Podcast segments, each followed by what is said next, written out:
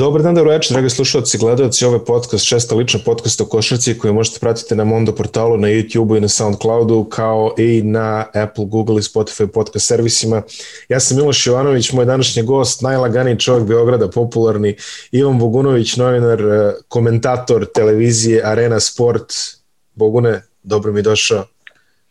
Bolje te našao. Evo, ja. ovaj, nađo smo se ponovo, ja mislim, posle nešto više od godinu dana. Prošli put kad sam gostovao, još nije korona stupila na scenu onako u punoj snazi, u pa, Srbiji definitivno ne. Bilo, bilo je onako Ali, ovaj, u polu snazi da kažemo, a? Tako, tako, da, da, neki bio je, ovaj, znam da smo se još normalno kretali, sve je bilo okej. Okay. Jest, Možda bio jest. neki kraj februara ili tako. E, ne, imao si jedno između, sećaš se. Znači imao si ono nešto tokom play-offa si bio prošle godine i to čak Jao, u studiju. Jeste, jeste, jeste, da, jeste, da, jeste, da. To je bilo u vreme ono popuštanja mera, ali Kad evo. smo se obojice da. izleteli na temu Denvera, pa smo dobijali hate mail posle od, ove, od, od Ažurnog. Jeste, to je, bilo, to je bilo u vreme kad su Clippersi vodili, recimo, je li 3-1 ili 3-1 je bilo, da. 3-1 za Clippers. Da, i mi smo najavili, najavili smo rutinsku završnicu u petom meču, koja se naravno nije desila, ali dobro, drago nam je ako smo pogrešili za tako, tako nešto. Je. Ja mislim da niko nije najavio ništa drugačije u tom momentu, tako da definitivno se nismo ovaj previše izleteli. Nisu se, nisu se Clippersi, nisu se Clippersi mnogo promenili od onda, znaš. Da. pričat ćemo, dalje, tako, pričat ćemo, pričat ćemo i o ovaj. tome. Pričat ćemo i o tome. O, u svakom slučaju dali smo odličan intro neko vreme, evo, čini mi se od decembra nismo imali NBA podcast, stvorili su se pravi uslovi, došli smo otprilike na malo više od polovine sezone, da kažemo aj skoro dve trećine. All-Star break je prošao, deadline je prošao i vreme je da malo sumiramo stvari. A počet ćemo, ovaj, počet ćemo, hvala Bogu, sa deadline-om koji je ovako najsvežiji događaj. Znači, sada su NBA pijaca je zatvorena, desilo se prilično poteza i konvencionalnih trejdova, a boga mi i onih manje konvencionalnih, da kažemo modernih, kada se neki veteran dogovori sa svojom ekipom nakon što je ovaj, imitirao leš celu sezonu i onda ovi kažu ok, ajde nemoj više, ovi mu isplate pare i on onda odi i potpiše za Brooklyn ili za Lakers-e. Znači ovo novo doba nam je donalo taj ovaj, nekonvencionalni način pojačavanja top ekipa, makar na papiru, vidjet ćemo kako će to da izgleda, doći ćemo i do toga, ali hajde onda prvo ti ja da krenemo od onoga gde smo se najviše ogrešili prošli put kad smo sedeli, to je upravo Denver, koji je po mojoj oceni imao jedan savršen deadline. Da, e, Denver je prošle godine uradio ono što je realno možda ga na kraju i, i koštalo i velikog finala i titule, šta je znam, a to je da je na trade deadline-u sedeo skrštenih ruku, znaš u to vreme pričalo se o recimo Drew Holiday je bio manje više dostupan kao što se pokazalo da je bio dostupan i na leto iz, da, da ode iz ekipe New Orleansa i negde se on pominjao kao igrač koji bi najbolje mogao da pomogne Denveru da zaokruži tu priču koju su oni imali, međutim oni su odlučili prosto da ostanu uz tu svoju, uz taj svoj kostur, e, tu svoju gardu koju imaju godinama gde su većinu igrača oni draftovali to je prosto neki osjećaj e, velike, velikog zajedništva koji oni tamo imaju i koji se u krajnjoj liniji i ovom prilikom video prilikom trejda Gerija Harrisa u Orlando gde pola ekipe tamo ovaj, plakalo figurativno rečeno zato što im je otišao jedan od najdražih saigrača bez obzira na to koliko mnogi navijači Denvera tog Gary Harrisa ne voleli iz razloga što nije poslednjih godina pružao doprinos u skladu sa svojim ugovorom. Uh, ove sezone je taj front office Denvera na čelu sa novim uh, generalnim menadžerom, tim timom Connellyem, uradio, bio mnogo aktivniji, jel tako? Ovaj, prvo su iz Clevelanda doveli Javela McGee koji je tamo bio manje više beskoristan u nekoj ulozi drugog, trećeg centra. Ovaj, e, njega su doveli, ja mislim, nešto u, u, u zamenu za jednog ili, jedan ili dva pika druge runde i tako, to čak i ovaj, nije ni toliko malo otprilike, za isto toliko je Evan Fournier otišao u Boston, ovaj, koji je po, reklo bi se, e, produktivniji i, i bolji igrač od e, Megija na, na nekoj ovaj, opštoj skali gledano. Ove, I naravno posle toga veliki trade za Erona Gordona, za kog su dali pomenutog Harrisa, RJ Hamptona, Rukija na poziciji playmakera i neke prve pik, pikove prve runde u budućnosti. Tako da je to na kraju bio ovaj, dobar posao, sasvim solidan posao za Orlando, znači dobio je i dva igrača i pikove, i, a sa druge strane Denver dobio odličnog, mladog, atletski potentnog igrača, igrača koji se dobro uh, slaže pre svih sa, odnosno ima kvalitete da bi se dobro složio pre svih sa Nikolom Jokićem, ima dobru igru bez lopte, dobro se otvara za Jokićeva dodavanja pre svega sa visokog posta, tako da mislim da se nešto od toga već videlo u ove prve koliko prvih jednu ili dve utakmice, ne znam da koliko je uopšte bile, dve bile odigrao, koliko je stigao za sad Gordon da odigra za Denver, ja sam jednu nešto malo pogledao i to je bila jedna onako prilično rutinska pobeda, nije moglo tu bog za šta ni da se vidi, osim da ta hemija između njih može vrlo brzo da se uspostavi. Sada opet kažem, protivnik nije bio neki preterano zahtevan, e, utakmica je bila lagana, pa hajde da sačekamo. Ipak e, treba prođe vremena i naravno za sve što pričamo, pa tako i za ovo vrhovni sudija je playoff. Jest. Znači sve, sve što vidimo do play-offa je, je ok, ali ne mora ništa da znači. A, što se Gordona tiče, ovaj, u neku ruku ovim potezima na deadline uprava Denvera rešila je neke probleme koji su nastali letos kada su ekipu napustili uh, Jeremy Grant koji je verovatno sada prvi kandidat za most improved igrača da, da. ove sezone.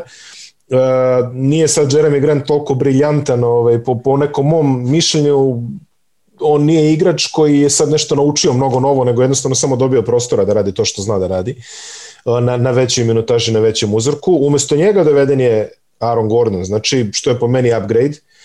On je tu uh, stvari, izvini, Gordon je u stvari uh, jedan u dva. Da, da, da. Jer jedan. ne zaboravimo i Tori Craiga. Tako. Tori Craig koji, je, koji je, nije dobio produžetak ugovora u Denveru i onda ga od tad ga šutiraju po ligi Milwaukee ga se odrekao, sad, sad je u Phoenixu, da. Da, da, da na, na dobrem tako da, tako, da, tako da Gordon je negde, Gordon je negde kombinacija ta dva igrača, Granta i Craiga, očekuje se od njega, znači i, i u napadu, ali i u odbrani da Pogotovo u odbrani, da to sam teo da kažem, jer ako ćeš da igraš ozbiljan play-off na zapadu, moraš da imaš nekog igrača na krilnoj poziciji koji će da pegla otpasnu odbranu. Denver u ovom momentu možda to nije imao nekoga ko može da čuva ajde i te trojke i četvorke, Aaron Gordon se tu našao kao jedno idealno rešenje, verujem da on to može bolje da isprati nego, nego i Grant što je radio, a ofanzivno po meni znaš šta, ja bih rekao da je Aaron Gordon potentniji, ali ajde, neka, neka vreme kaže, zaboravili smo da kažemo, Isaiah Hartenstein je otišao takođe u Cleveland u delu tog uh, dila za, za Javala Megija. Za Megija, da, da, da. da. Um, Megi, ja mislim da će on jako korisno odraditi te minute. Uh, u suštini kada Jokić sedne, uh, ja verujem da je prvi cilj uh, ekipe da ne primi toliko poena. Znači, održite pa, situaciju dobro, koja jeste i tu onda može da se organizuje neka, da kažemo, neka konvencionalna pick and roll igra, recimo može, Marija može, i može. Megija. Može, Eto, to je recimo. ali u tom recimo aspektu više mi se sviđa Megi kao rezerva nego a, Plamli koji je bio Jokić light u suštini kada ovaj, da. Jokić sedne na klopu. Tako da možda, do, mislim ako je zaista strategija Denvera da kada Jokić sedi na klupi uh, ekipa izdrži koliko on treba da sedne, onda ja mislim da je Megi zapravo i, i bolje pojačanje. Naravno, Megi je odličan uh, zaštitnik obruča i, i u odnosu na one godine on njega jednostavno dugo pratila ta reputacija nekog uh, cirkuzanta koji je bio jedan Šek od mu je to napakovo, standardnih gostiju ovog uh, Šaktine Fula, da, gde je da. čak ono svoje vremeno i Megijeva majka morala da uleće u rasprave na društvenim mrežama da bi se da bi Šakil konačno odustao i skinuo se ovom sa grbače. Ove, umeđu vremenu je Megi ipak postao dosta i, i, i iskusniji, i zreliji i ozbiljni igrač i proširio yes, svoj yes. repertoar u napadu. On sad može da pogodi čak i šut za tri poena, mada ne znam koliko će u nekim ozbiljnim utakmicama imati ovaj kredita da tako nešto uradi, ali uglavnom nije, nije to onaj stari Megi, kažem, sa kojim su se ljudi dobrim delom ovaj, sprdali u nekim situacijama. To je jednostavno igrač koji je već pre svega bio je deo finala, osvajao titule, znači bez obzira što recimo u Lakersima na kraju play-offa prošle godine nije imao više nikakvu ulogu, jednostavno ovaj, to su bili samo Anthony Davis i Howard na poziciji petice, ali opet bio je tu, išao je daleko u play-offu i to nekoliko puta sa različitim ekipama, sa različitim tipovima igrača, tako da ovaj, od Megija apsolutno očekujem da bude bio je tu, bio je tu, da. zna znanje a, on, strani mediji su mahom dali e, znaš ono kad imaš kad gledaš ono trade deadline grades e, Denver je dobio najvišu ocenu uglavnom od, e, od, od svih stranih medija ja bi se priključio ovoj oceni ono što samo treba da dodamo takođe što je ekonomski važno Da, rešili su se ugovora Gerija Harrisa, koji je verovatno jedan od najgorih ugovora u ligi ovaj, po, po pitanju primanja i a, produkcije koji se dobio za, za te pare. Naravno, ostaje sad ovaj, jeli, pitanje ko ćete igrati bekove, malo je tanja bekovska rotacija. A, zadržali su Michaela Portera juniora, a, zadržali su Bola Bola koji je bio takođe dosta ovaj, popularan u, u pričama za trade. Sve što su dali je ajde kažemo, opipljivo je pik, čini mi se, 2025. i to top 5 protected. Mislim da to nije nešto što bi Denver trebao previše da, da brine. I naravno to hrpu pikova druge runde, ali ko o tome uopšte razmišlja. Da, mislim, da, da. Da. osim Sema Prestija. Um, Idemo sada na istok, dve ekipe su dosta interesantno trgovale po meni i takođe zaslužuju visoke ocene. Uh, jedne su Bullsi koji su doveli Nikola Vučevića na, na deadline-u, a drugi je Miami koji je doveo Viktora Oladipa, Nemanju Bjelicu, Trevora Rizu i ovaj, generalno uspeo da očuva svoje jezgro koliko toliko. Ajmo prvo o Bullsima koji su sada, ovaj, da kažemo, otišli na ono sve ili ništa pravo pojačanje, mislim da stvarno pravo pojačanje, doveli su Vučevića koji ima, boram još jedno tri godine, jako dobre produkcije sa sobom i čini se da će napasti istok eh, na taj neki, mislim napašće play-off za početak, ali ovaj... to sam baš da se pitam ne, ne, ne, da koji pa all-in misliš. ne, ne, nisam te, pa moraju da, moraju da uđu da bi ostvarili nekakav legitimitet, jer tako, mislim... Ne, naravno, ako, ako je u pitanju all-in napad na plasman u play-off, onda mislim dobro jeste, da to sa, sa Vučevićem se podrazumeva. Vučevićem se podrazumeva, ali imaju solidnu bazu za radi sledeće sezone. To, I za dalje, da, da. A da, svakako, da. ali ovako za prvu sezonu ovog novog e, režima, koji su ustanovili Karnišovas i Bili Donovane, mislim da je ovo sasvim respektabilan napad za ulazak u play-off, čisto da se to malo legitimiše. Priča da i drugi primete da Chicago živ i kuca posle ovaj Jordana i Derika Rosa. Uh, jedino što ja smatram problematičnim u ovom momentu je odbrana, jer taj front court koji brane Vučević i Markanen mi se čini kao da će dati 80, a primiti 90 poena a pritom Markanen opet i, i njemu će pokušati da prodaju neku priču da ostane u gradu, on je odbio produženje ugovora i tako dalje, vidjet ćemo šta će to biti. Ali za sada, evo, lepo su se nametnuli ovako ovom trgovinom da pokušaju da naprave nešto više na taj novi nekonvencionalni način, mislim, iz, iz naše Google-a, našeg boomerskog Google gledano nekonvencionalno to je da napadom pokušaju da naprave nešto ove više. Da, pa da, pa u suštini istu situaciju imaš i u spoljnoj liniji, da. gde čak e, tokom sezone je, je Kobe White prebačen e, da bude neki šesti igrač, verovatno zato da ne bi on i Zek Lavini bili starteri na Kecu i dvojici, jer i to je onda izuzetno ovaj, porozna situacija, ovaj, šuplja odbrana u prednjoj liniji, ako kad ti probiju prednju liniju, onda si pečen manje više, da. onda moraš da ulaziš u rotacije i u principu lako se primaju koševi i sve to ovaj, dobro poznato, tako da ovaj, evidentno i meni se čini da će Chicago i dalje biti pre svega napadačka ekipa, ali opet kad pogledaš eh, da su dobili eh, da su dobili Nikolu Vučevića i pomozi mi još kog centra. Alfaro Kamin.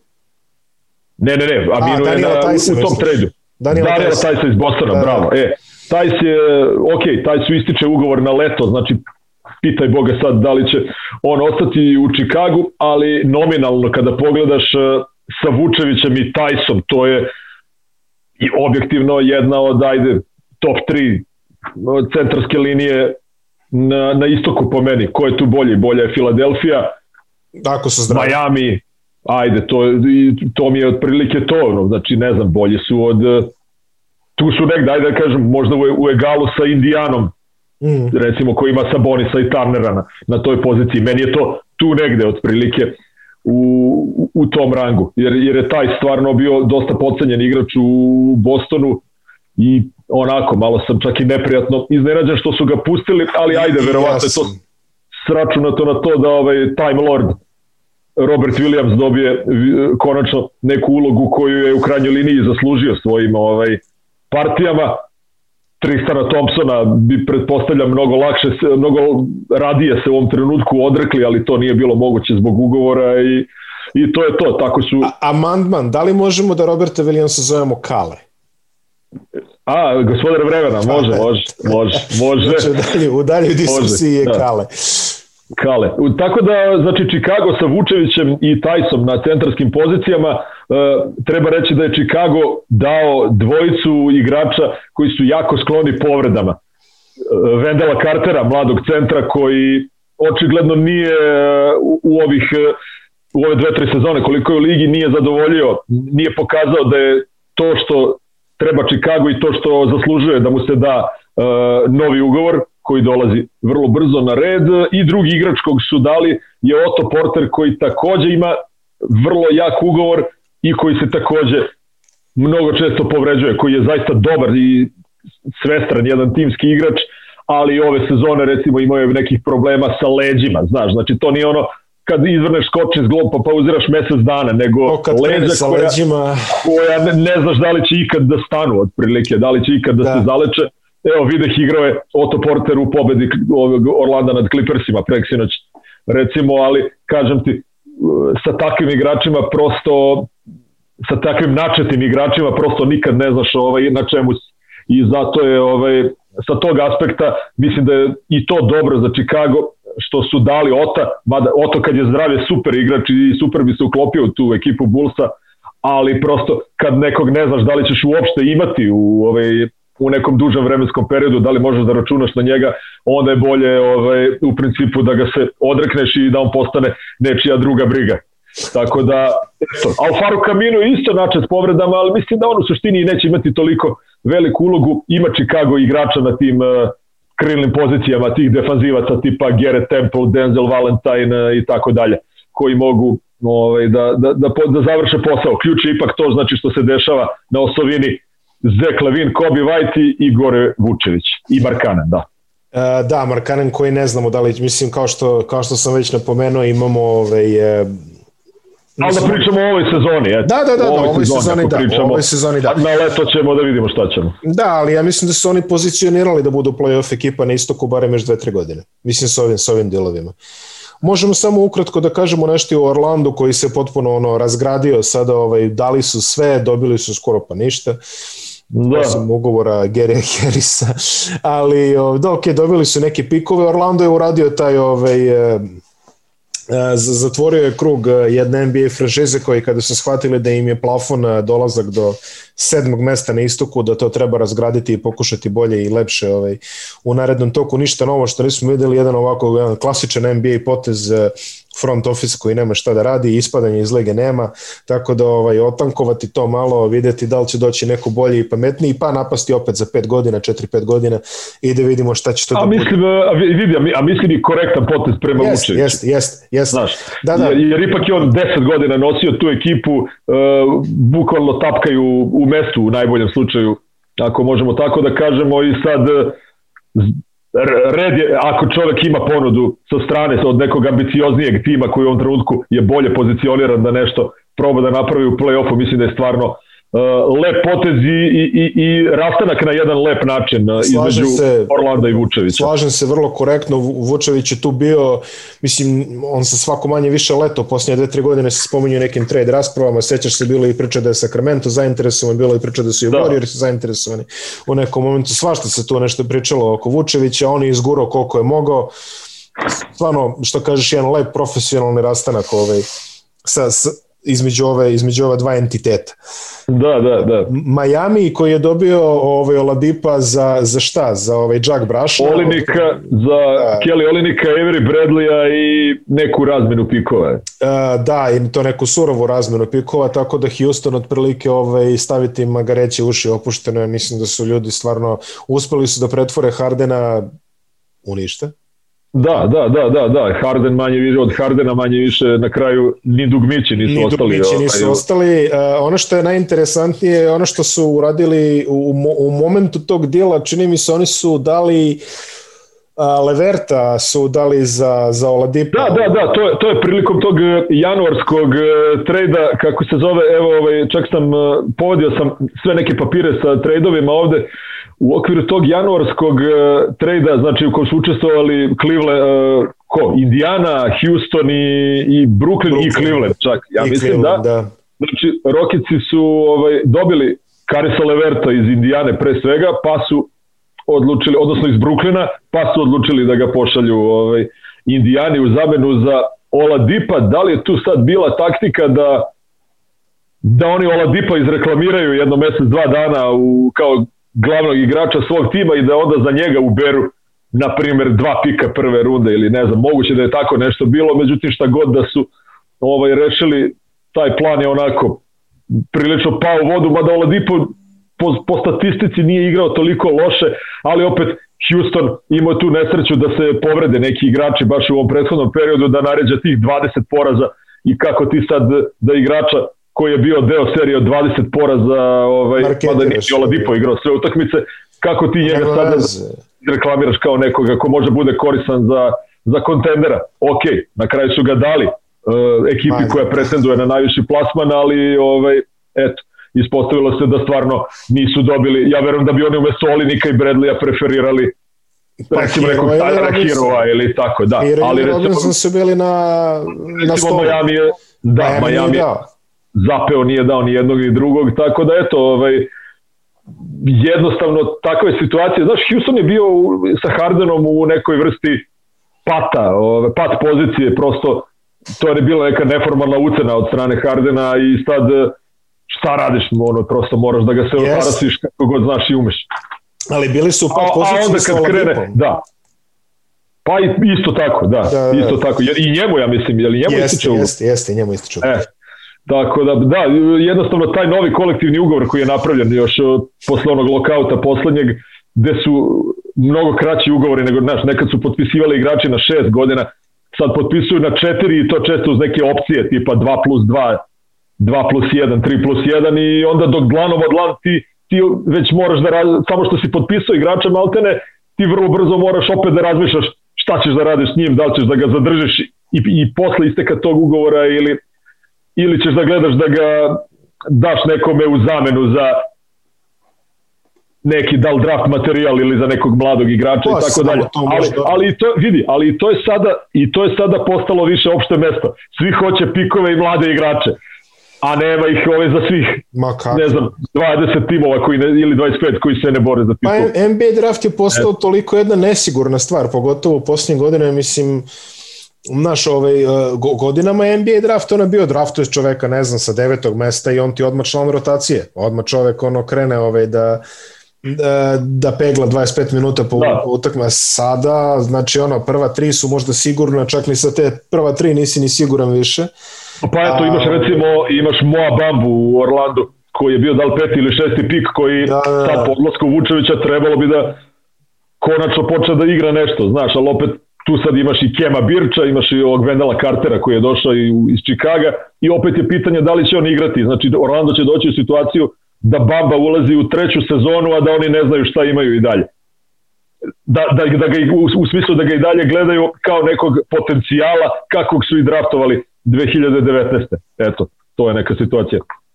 Da, pa da, to, to, to je potpuno, ali kažem ti, ovaj, uvek je neko poređenje sa NFL draftom koji je kao, ono, dobiješ igrača i krene odmah a u NBA to stvarno više, mislim sad je NBA postao ko ono, je MLB draft, NHL draft, ono, draftuješ sa nekim vidiku, baš redko po, se nalaze sa ti igrači, ono, mimo, ajde tih kao prvih pet pozicija, koji će ti daju nešto momentalno. Evo ove sezone pa jeste, ili, ili, ili jednostavno, ili ideš, ove sezone.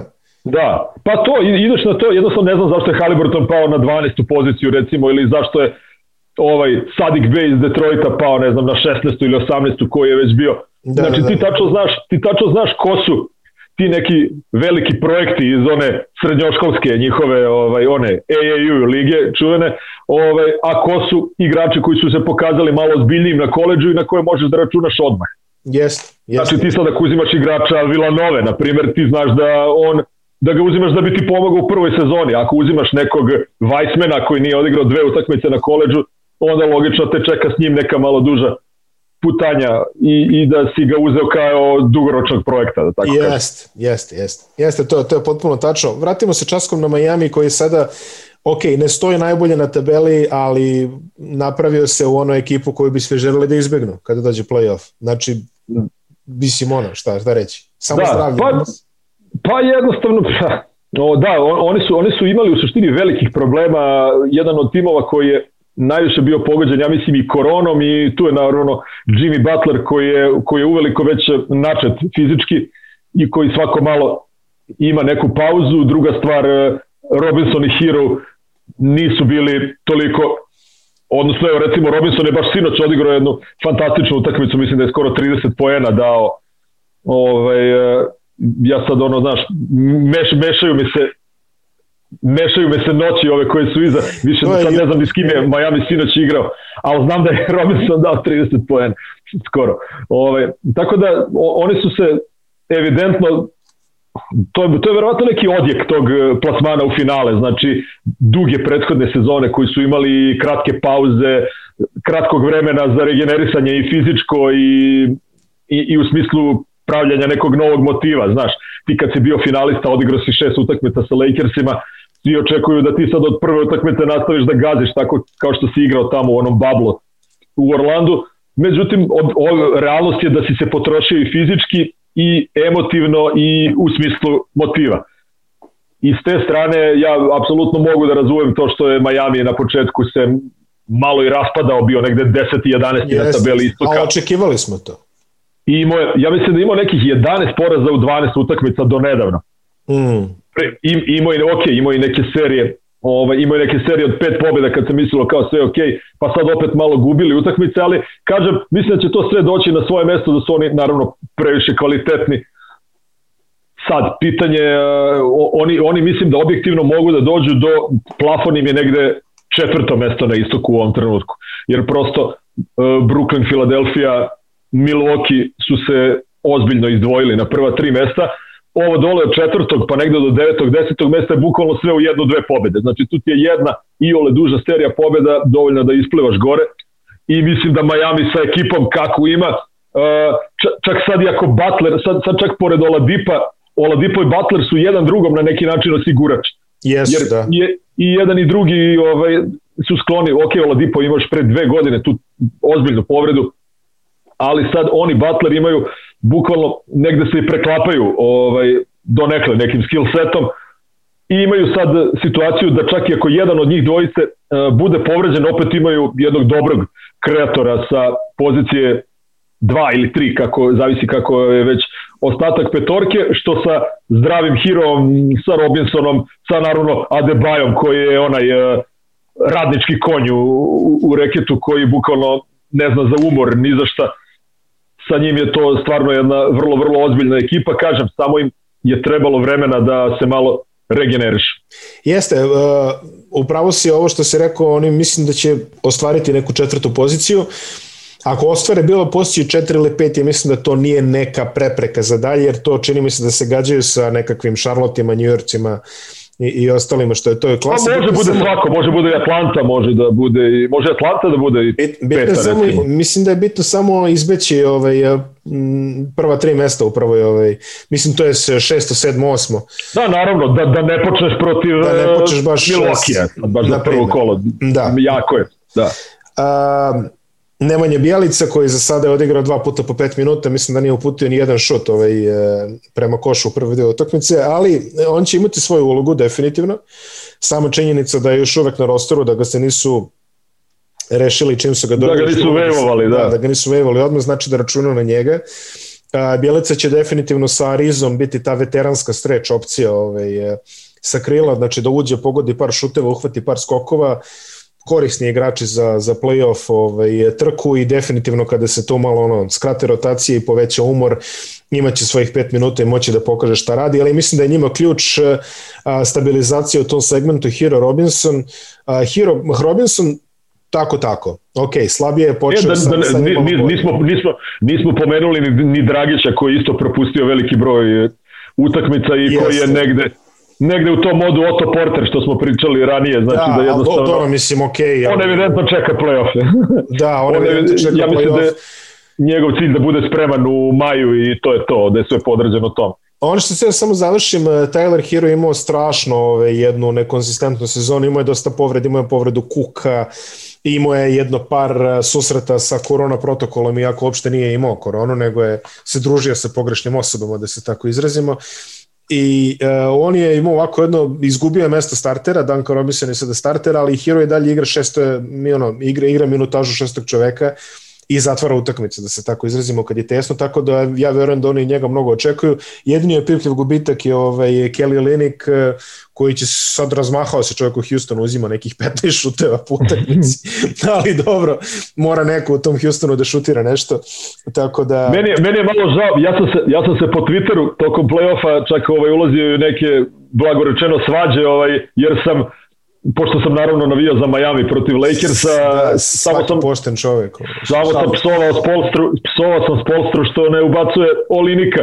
Malo ovaj, umesto Adebaja, zašto Adebaja igra sad 40 minuta, zašto ne proba da pred Lakers se baci neku malo drugačiju postavku napada, ono što, jer i Olinik je stvarno bio šuterski raspoložen letos. I onda su mi neki ljudi odgovarali onako, znaš, u fazonu, znaš, znaš već kako to ide na Twitteru. Znam već kako ali, ovaj, ali uglavnom, eto, Olinik odradio je dobro te svoje godine u, u Majamiju, šta da se radi, prosto ovaj, to je bila cena Oladipa, eto, ovaj, Oladipa. Mala cena, ali ne, ne, neverovatno su to pregovori, da neverovatno su to pregovori sa Majamijem, znači, te, ali, ali to je to, bukvalno je pad pozicija. Dajte Nešto nam, možeš da daš, dajte ne možeš da... Ne može. Dajte nam dobro Red... Robinsona, ne da. može. Dobro, ajde, dajte šta, dajte, evo vam Olenik, ajde, pako i doviđenja. Re, da, redke, znaš, redki, redki su ti tradovi gde baš ono nešto da. dobiješ mnogo, a, a daš ništa, ona, znaš, to, pa, to evo, samo desi, mogu. Desio se. To samo može Pet Riley izgleda. A, da. A, Milwaukee Bucks se nisu bili aktivni na samom deadline-u danu, oni su čini mi se doveli PJ Tuckera nešto ranije, time su pokrili ono što im je, mislim, i, i neophodno u tom momentu jedna jako potentna i defanzivna i ofenzivna petorka kada je on tu. Lepo su se oni tu skockali. Mislim da naravno uvek postoji playoff, vidjet ćemo šta će su sve da se desi kada ovaj, kada topovi za, začute ovaj, gleda, gleda Janisa i kada igra u tranziciji nije više toliko dominantna, ali izgledat će, ovaj, ne znam, deli mi malo kompaktnije nego prošle sezone. Da se... Izvini, mala, mala digresija. Rekao si da se Kelly Olynyk razmakao u Houstonu. Uh, isto mogu kažem za DJ Augustina Uf, koji, da. je, koji je došao u Houston u tom tradu za, ovaj, za PJ Takera i koji je sinoć razvalio ovaj, protiv Brooklyna gde je Houston u malo, u, malo pobedio Brooklyn u gostima i to sa sa Irvingom i Hardenom, znači Stari, Houston je i bez Houston je bez Durenta Harden i pardon, Brooklyn. duše, Harden da, Harden je ali i sa Hardenom je vodio Houston 20 razlike dok je bio Jeste. na terenu. Da, da, da, to su ono stari savjeti iskusnih fantazije igrača. Ovaj, DJ Augustin je jedan, DJ a, moj, a, a, a, a moj pick-up ovih dana je Michael Carter Williams, koji će otprilike ovaj, Da, da, ono, svih pet kolona puni, ono, može ono 5, 5, 5, 5, 5, ono, znaš. Ima nešto pa 10, blokada, 9, 8 asistencija, da, da, da. da. Ne, malo poena, ali ovo sve ostalo zato. Ono, Tako da, ovaj, pratite situaciju u Houstonu i Orlandu, neko će vas tu usrećiti drastično ovaj, što, se, ovaj, što se fantazije tiče. Ali uh, pomenuli smo Bakse, pomenuli smo Sixerse koji su doveli ovaj, Hila. Uh, e, izvini, Baxi, Baxi uh, Jeffa Tiga Jeff su doveli su koji je, na, na buyout. Koji je beš ono trade Boston, kako, jel on je bio deo tog trada za Furnija ili šta? Nekoga, znam da je Boston ga je nekome dao, pa ga pa taj neko ga, odmah otpustio. Tako, da, da tako nešto. Taj neko ga odmah vejvovao i otišao je Jeff Teague kod svog bivšeg trenera Majka Budenholzera, s kim je odlično sarađivao u Atlanti, bio deo onih sjajnih ekipa Atlante koje su, naravno da nije bilo Lebrona, mogle i do velikog finala. Jeste. One ekipe sa Alan Horfordom, eh, Demari Carrollom i tako dalje. Eh, da nije bilo uh, Lebrona. da.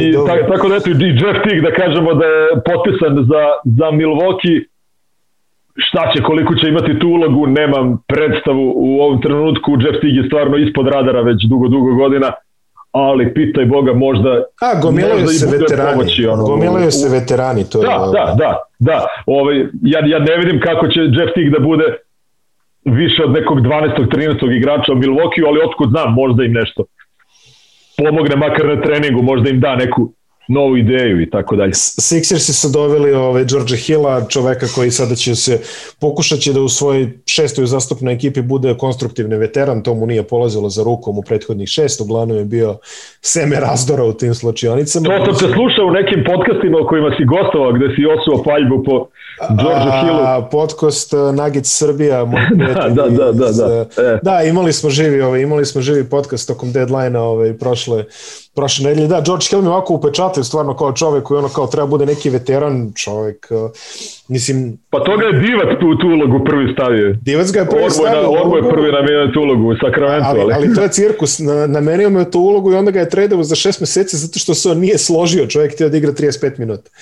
Pa, mislim, ono, kao pa nigde, ne, George, George Hill, ja mislim da još od San Antonija nije odigrao neku da, ulogu. Da, da, nije, evo, dobro. To što treba. Ovaj. Još jedan uh, jako koristan fantasy igrač sa početka sezone, sad će biti manje koristan fantasy igrač jer je otišao u Filadelfiju. Ja mislim da je to ovako igrački je solidno za njih. Je sad vidjet ćemo kako će onda se složi tamo sa onim mladim lafovima, ovaj, situacija u Filadelfiji standardno. Pa da, Filadelfija bila, Filadelfija bila skotkana u principu. Ne vidim da je njima nešto bilo pretarano ni potrebno na ovom uh, trade deadline. Oni su prosto doveli letos seta Karija iz Dallasa, to im je mnogo značilo da popuni onu poziciju koju je JJ Redick imao još pretprošle sezone. Ovo ostalo sve je Dwight Howard kao backup petica, ono preporođeni Dwight Howard za koga važe mnoge stvari koje smo rekli za Megija u smislu toga ovaj, da je došao osvojio titulu, video malo malo se sredio u glavi i, i da je, mada, mislim, sredio se u glavi do nekle, ali i dalje, recimo, opet ulazi u neke glupe, bespotrebne konflikte na terenu, dobija isključenja, yes. zato što pre neki dan je isprovo, pokušao nešto Montreza Herala da isprovocira, pa je dobio dve tehničke u drugoj četvrtini. Tako da i, i dalje očito, očito u njemu ima neke ovaj, i dalje tog nekog neki veseli dečarac u njemu živi što ti kažeš. Ja. Ali ali ali okej. Izuzetno kvalitetan backup za Joel Embida, što se pokazalo i u ovom periodu kad je Embiid povređen, gde je Filadelfija trenutno je eto spale malo sa prvog mesta i pola, ja mislim da ima pola pobede, ma i pola koraka iza Bruklina, ali u suštini tri nedelje bez Embida su jako dobro izdržali sa Howardom ovaj, kao glavnim igračem na poziciji 5. Ben Simmons, uh, Tobias Harris koji je mnogo bolji kod Doka Riversa nego što je bio kod uh, prethodnog trenera Filadelfije, tako da mislim da je Filadelfija skroz kod Breta Brauna, bravo, imam, imam mu facu u glavi imena, ne mogu se setiti. Ove, da, uh, Brett Brown jedan od tih ono potpuno neubedljivih trenera koji je godinama držao svoju poziciju kod, zajedno sa generalnim menadžerom, tadašnjim Eltonom Brandom, to je prosto bila neka koalicija, neka, neki tandem koji je jedan drugom držao leđa, dok je ekipa ono, nije, dok ekipa nije uspevala da dostigne svoj potencijal i sad dolaskom uh, GM-a Houstona sve se nekako ovaj, tu promenilo, postalo daleko, daleko ozbiljnije. Uh, sad mi u glavi Sam Presti, kako se zove ovaj GM Houstona. U ne znam ko je GM Houstona, Sam Presti Oklahoma. Da, ne, ne, te sam kažem GM Filadelfije koji je došao iz Houstona. Aha, ovaj bre, ovaj Kinez. Mislim, Ma nije bre Kinez. A nije Kinez, ali sa, sa jednim tweetom je ovaj, srušio E, taj, taj, taj, da. da. Jednim tweetom je Daryl Mori, jednim tweetom je srušio. Daryl Mori, bravo. Znači, 13 te generalne menadžere teško, teško mogu da ih nekad zapamtim, ali uglavnom, da, Daryl Mori, znači koji je ovaj, u, u tom, on je bio deo te čiske u Houstonu koja je prosto obuhvatila i Majka D'Antonija i, i Westbrooka, na kraju Hardena, ovaj, i Daryl Mori je tu dobio, da kažeš, neki sporazumni raskid ugovora, prosto njegova vizija više nije mogla tu da živi, da funkcioniše, oni su odlučili neki Mori da bude da naprave. u ligi. Mislim, ali vidi, čovjek... ali Daryl Mori, vidi, ali Daryl Mori uh, je, je dao posle toga izjavu 10 godina sam uh, pod pritiskom, moram da odmorim, uh, ja više nisam mogao da izdržim, da bi onda posle nedelju dana potpisao za Filadelfiju. Pa da, da. Tako da, tako da kad hoću kažem, uh, do, dobre to, dobre to pozicija, znaš. Znači, Simons, uh, kako se zove Embiid, Tobias Harris, uh, Doc Rivers na poziciji trenera, makoliko bio onako ovaj, u, u nekim situacijama i se možda pokazao malo i kao prevara prošle sezone ove u Clippersima po meni je odradio loš posao, ali opet ali opet prva, prva znaš, ali opet ima on, ima on mnogo dobrih, ma, mislim, lupa pod navodnicima, zezam se. Zna, Naravno, jedan od trenera koji ima, ne znam, 1100, 1200 pobjeda u, u karijeri trenerski. I sve e. to, da, ali jeste činjenica. Tako da, ove, a, po meni ovo Clippersima, ok, nije to samo njegova krivica bila, ali negde mu je narušilo ugled. Yes, Znaš, i, i, i, i, i po meni stvarno je dobro prošao da je uh, dobio ponudu jedne takve franšize koja se nalazila u nekom stadijumu očajanja kao što je Filadelfija i sad da sve to dovedeš Derela Morija koji ovaj, ako ništa drugo pokazuje da uvek da da je agresivan u tim, u tim trejdovima, da neće se smiri dok ne, dok ne izvrti poslednju opciju da učini ekipu kvalitetnijom. I sad, ok, u ovom, kako se zove trade deadline-u, možda nije bilo ni nešto prostora da se ovaj, nešto desi, oni su bili kandidati za Kyle Laurija, ovaj, To što je George Hill iz Oklahoma, to je bilo mesto koje u suštini je bilo predviđeno za Laurija, ali očito to što ovaj, uh, Masai Ujiri je bio gore tvrd pregovarač, nije pristao ni na što što su nudili ni Lakersi, ni Philadelphia, ni Miami i prosto odlučio je da Lauri ostane do kraja ugovora u Torontu, iako je evidentno da ekipa Toronto neće nigde ove godine. Je ostala da nema više goriva i da prema svemu sudeći neće ući ni onaj play-in među 10 najboljih, kao što će ove sezone da, da uđe do igravanja. Poštujem, poštujem to, zaista izguraće do kraja. Laure će se uhlebiti negde već sledeće sezone, možda čak i potpiše neki ono hometown discount ovaj, u Torontu, vidit ćemo. To, to je ekipa koja se dosta čvrsto drži, jedni, jedni s drugima, baš ovako jedna solidna jedinica. Uh, da, oni, tako da ne bi, to, ne bi Toronto, Da, kad smo, kad smo kod Toronto, evo baš sam ovaj, sinoć oni prosto, ovaj, jel tako, sinu su izgubili od Oklahoma, ja mislim. Da. Od Oklahoma koja, koja se trudi da ne pobeđuje. koja je apsolutno ono uradila sve da kažeš, ovaj, e, po, po, izvela bukvalno jedan sastav koji je dostojan razvojne lige u nekom ovaj, delu, znači sa gomilom neafirmisanih igrača koji u suštini u nekim normalnim situacijama gomila njih bi bilo na dvosmernom ugovoru igrala malo G ligu, malo NBA, međutim ovde sad dobijaju po 25-30 minuta uh, imaju ovog centra Mozesa Brauna, čove, ono, dečko sa čudesnim fizikalijama, koji je igrao na dvosmernom ugovoru i, i onda je odigrao nekoliko toliko dobrih utakmica da su mu dali trogodišnji ugovor, na primjer. E, i elem, da se vratim na Toronto, uh, svi kao, evo kao Toronto se bruka, Toronto izgubio od Oklahoma bez Horforda, bez Shea Gilgis Aleksandera, bez Lua Dorta i tako dalje i onda izađe Fred Van Vliet i kaže ljudi Sijakam, Anunobi i ja smo do pre nedelju dana imali koronu. Mi ne možemo da se pohvatamo kondiciono pre svega. Mm. Mi nailazimo, mi, kao, mi smo eto kao na terenu smo zdravi smo, igramo, ali to se izuzetno osjeća, prosto na, na, igramo, igramo i najđemo na zid. Znači nemamo, ne možemo da igramo celu utakmicu. Nemamo to u plućima. I to je nešto što ovaj, smo u, u suštini, znaš, takmičenje se odvija, igrači e, ispadnu iz stroja zbog korone, vrate se posle 10-15 dana i mi to tretiramo kao da su ovaj, ne znam, pauzirali zbog neke lakše povrede skočnog zgloba, međutim to je očigledno virus koji ostavlja posledice na organizam i na fizičku spremnost. To smo mogli da vidimo recimo i na ekipi Dallasa koja je imala negde već posle desetak utakmica ove sezone imala je 4-5 igrača zaraženih i ti kad pogledaš Dallas, evo tek sad je počeo da da, da igra kako treba i da, i, i da pobeđuje. Recimo, sinoć su pobedili Boston prilično rutinski, da kažem. Čudna ovaj, sezona, čudna sezona. Tako da, da, čudna sezona, znači, e, da kažem, mi kao navijači, mi nemamo ni vremena nešto. Ti sad kad imaš 30 ekipa koje su tu svaku noć u opticaju, ti apsolutno nemaš vremena ni ti te zanima da se nešto dublje ubacuješ u tu priču, da sad analiziraš koji su razlozi, što neka ekipa recimo igra daleko ispod svojih mogućnosti, bar kad gledamo imena igrača i neki minuli rad.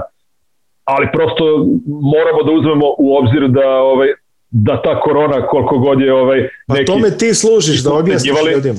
Da, koliko god je neki podcenjivali da ovaj da, da, da, da ostavlja na neki igrača i malo trajnije posledice i da treba vremena da se čovek od toga oporavi i da dođe. Znaš ono, nije, nije, nije e, igrati NBA utakmicu, trčati 35-40 minuta u onakvom tempu, ovaj, nije to baš za svakoga. I kad si spomenuo već Toronto, da kažemo da su poslali Normana Pavla u Blazers i dobili ovaj, Gary'a Trenta Jr. u onoj bizarnoj koincidenciji koji je kao i njegov otac nakon dve sezoni 41 odigranu utakmicu napustio Portland za Toronto. Tako da... To samo, to samo NBA liga možda da, da, da proizvede, da, zaista. Inače, inače sinoć sam gledao moje ove, tradicionalno omiljene timove Detroit protiv Portlanda, međusobni susret, to, to je bio praznik za moje oči. Ovaj, dolazak Normana Pavela u Portland je kao da su mene pitali koga da dovedu. Znači, na Lillarda i Vekolova, Powell, ok, to je sad možda malo, da kažeš, malo su mali u proseku, od, od keca do trojke, znači fali tu malo ovaj dužine, pre svega za odbranu, ali Portland nikad nije ni ovaj pretendovao da bude neka size, da, bude, size, tako je. Fali ali size. Portland nikad nije ni pretendovao da bude neka ovaj ekipa koja jede defanzivno. Njihova karta je napad i to sa Normanom Powellom i Carmelo Antonijem na četvorci. To je to je i Nurkićev na petici koji takođe isto ovaj, posle pauze ovaj, verovatno će mu trebati još jedno dva meseca da uđe u kondiciju. On nije imao koronu ali, ovaj, ali nije ni igrao zbog te povrede. Ša, ručnog zgloba gledao sam ga sinoć znači raspada se čovek bukvalno. Ovaj, Enes Kanter je trenutno za njega ono Dolph Lundgren ja mislim ono što se tiče kondicije Ivan Drago E, tako da, ali, ali Portland, e, prosto to je, to je ekipa kako, koje, kako ja volim da gledam. Znači jednostavno trojica, četvorica ubitačnih napadača za odbranu nehaju prosto i, i, i to je to, znaš. Tako da Norman Powell mi se tu uklapa zaista sjajno. E, šta si rekao, Gary Trent? E, Junior, da, u Toronto. U Toronto. Da. Pa i on igra solidno, ali, ali Toronto je nešto istanjio klupu, ovaj, oni su oni su, Toronto je davao igrače bukvalno bud zašto e, ne bili oslobodio prostor baš za Laurijev trade, jer to se sve dešavalo u, u okviru jednog dana. I oni su poslali recimo, ne znam, Teresa Davisa u Sacramento, još jednog igrača su dali negde sa kraja rotacije, baš zato da bi mogli da u zamenu za Laurija absorbuju neka dva, tri ugovora iz Lakersa ili iz Filadelfije i tako dalje. Međutim, na kraju do toga nije došlo i kao posledicu toga imamo da je Toronto jako istanjio sada rotaciju. Sad Toronto možda ima, dao je Meta Thomas sa Utah, tako? Da Utah ima još jedno sedmog, osmog šutera za tri poena, pošto im je malo ovo što imaju. Ove, tako da Toronto, kažem ti, sad spao na nekih tu 7-8 igrača, ono, Utah Watanabe igra, recimo... Ovaj, Ake minut Eto, i tako da eto... Rod, Rodney Hood je, čini mi se, isto došao u Toronto. Jeste, i povredio se sinoć odmah, da. tako da, eto, to ti je u principu jednostavno Toronto je sebi ovaj, stavio nadgrobnu ploču za ovu sezonu i možemo Za možemo da pređemo na druge timove. Možemo da. pređemo na druge teme, ali za kraj ovog pregleda o deadline-u koji je čini prvi deo emisije, suštinski samo treba reći ovaj, da par igrača koji su se spominjali nisu pomerani i mislim da treba pomenuti te ekipe koje nisu radile ništa. I pre svega moramo pomenuti Atlantu koja a, nije pomerila ni Johna Collinsa, koji se dosta, dosta se pominje, izgleda su našli neki zajednički jezik sa njime, što me jako raduje. Da. Nije pomerila ni Bogdana Bogdanovića koji je onako O, da, da, bio je u špekulacijama neki. Bio je u špekulacijama. Za se, za... Pa da. Jeste, pazi, te špekulacije... Čak su ozbiljni, ozbiljni, ozbiljni novinari, ozbiljni novinari koji prate Golden State su ono analizirali čak šta on može da im donese, da je to dobra opcija dugo i dugoročno, ne samo za ovu sezonu i tako.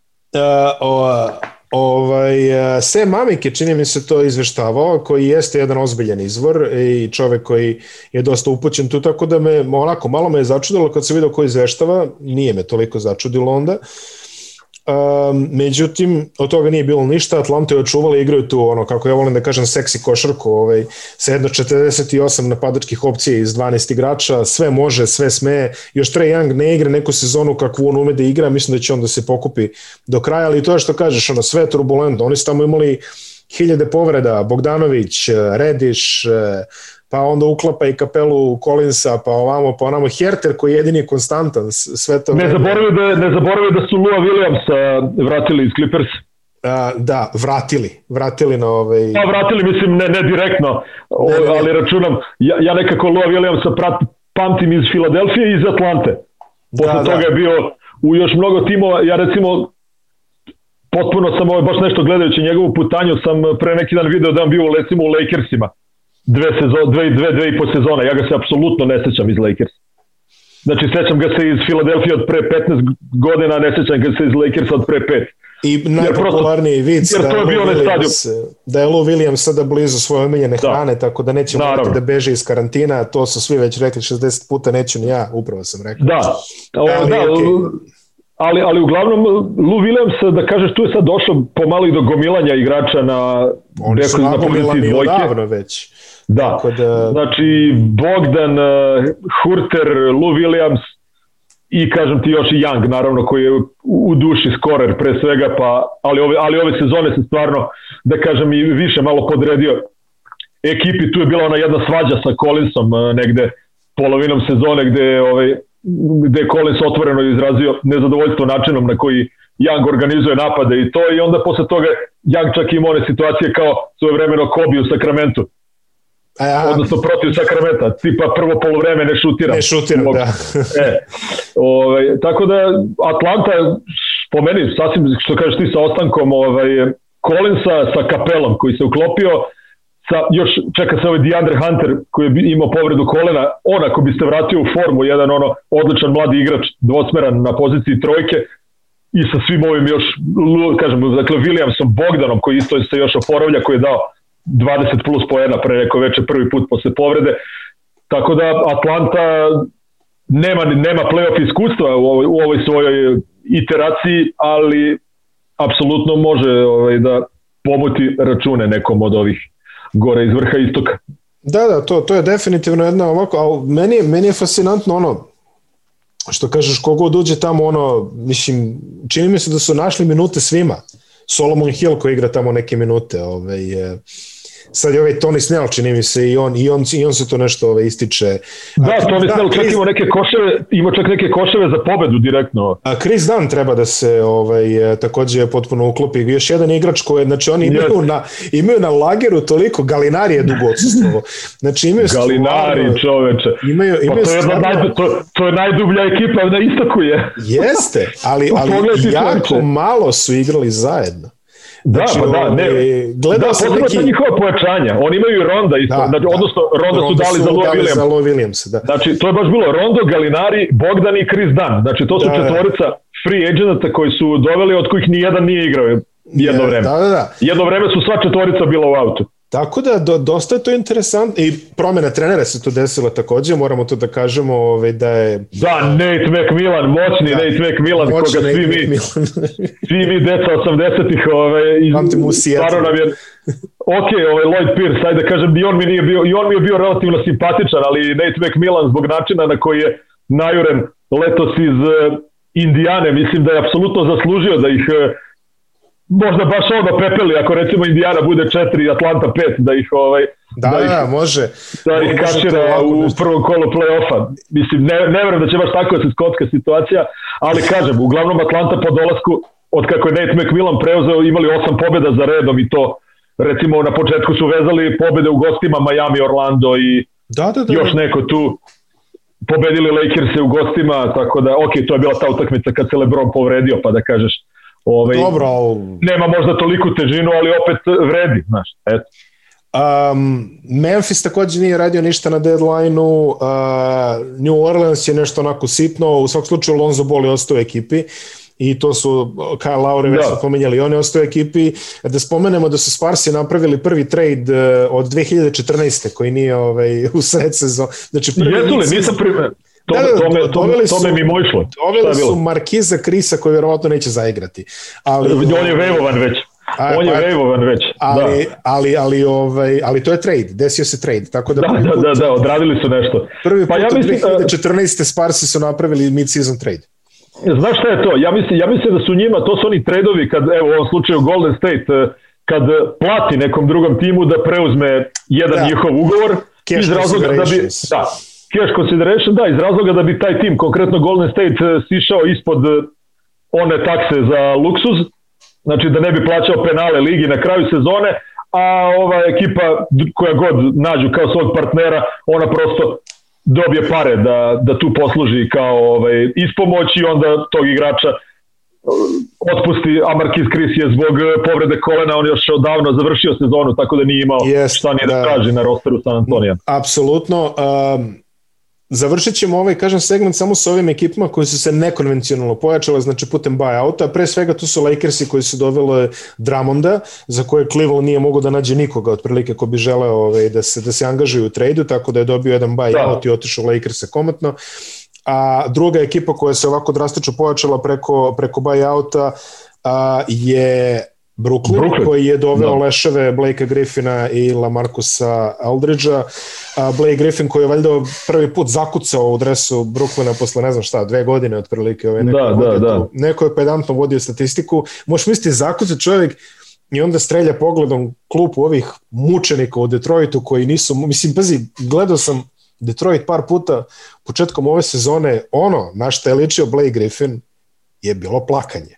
Jeste, jeste, užas, jeste, znači, ba, bukvalno je sramotno na, i prošlo i ove sezone. sramotno na što je čovek ličio. Da. Znači, Georgija je tamo na liniji 3 poena imitirao nekog ono point forwarda, ne znam, daj mu loptu, pa da. malo šutira, Tako nateže, je.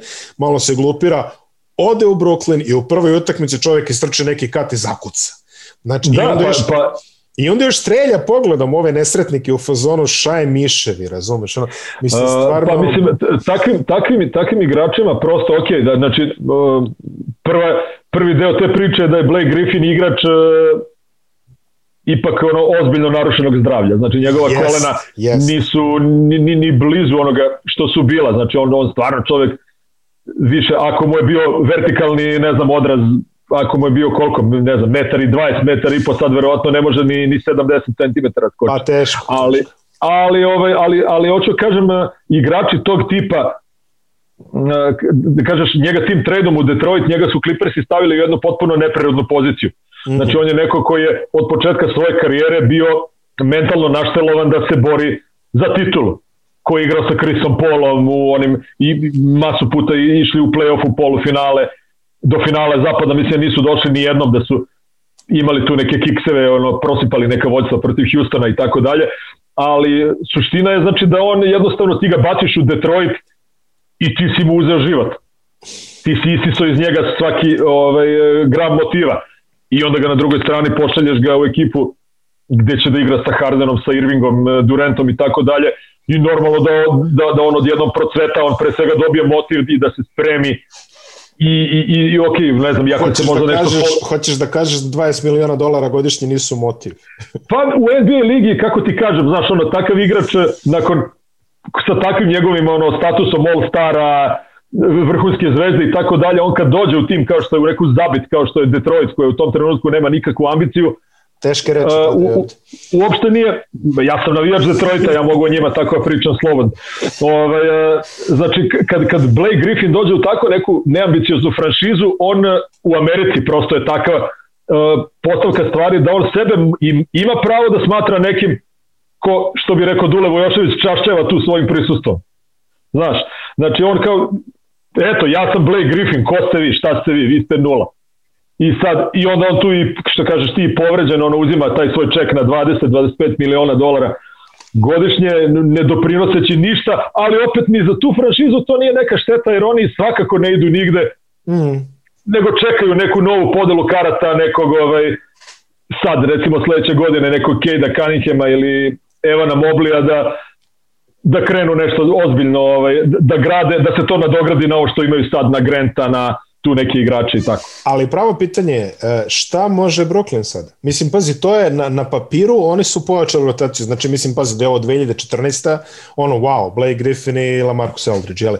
Ali, ovaj, e, pazi, a, ta njihova velika trojka do sada koliko je, jer imaju 15 minuta zajedno, mislim da nemaju... Sedam, utak, sedam utakmica su odigrali zajedno za dva i po meseca. E, sedam utakmica zajedno. A, da. Irving malo, malo pa ima probleme privatne prirode, da ne kažemo da je ono, da. Ovo je dosta smo pričali Irvingu. Harden se povredio. Ja mislim da nije ozbiljnija povreda. Kažu da nije ozbiljno, ajde, Da, kažu da nije ozbiljno.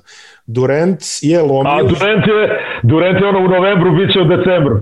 Da, da, Sad je pre neki dan, kaže Steve Nash, pa kao neće ni ove nedelje. On se povredio još valjda tamo pre All Star, ne, negde u pre februaru. All pre All Stara. I bile, I bile priča nedelju dana, dve nedelje, pa onda neće igrati na All Staru, pa ovo, pa, pa ono, i evo dođu smo do pa aprila. Pa, pa igrač, sad igra 4 na 4.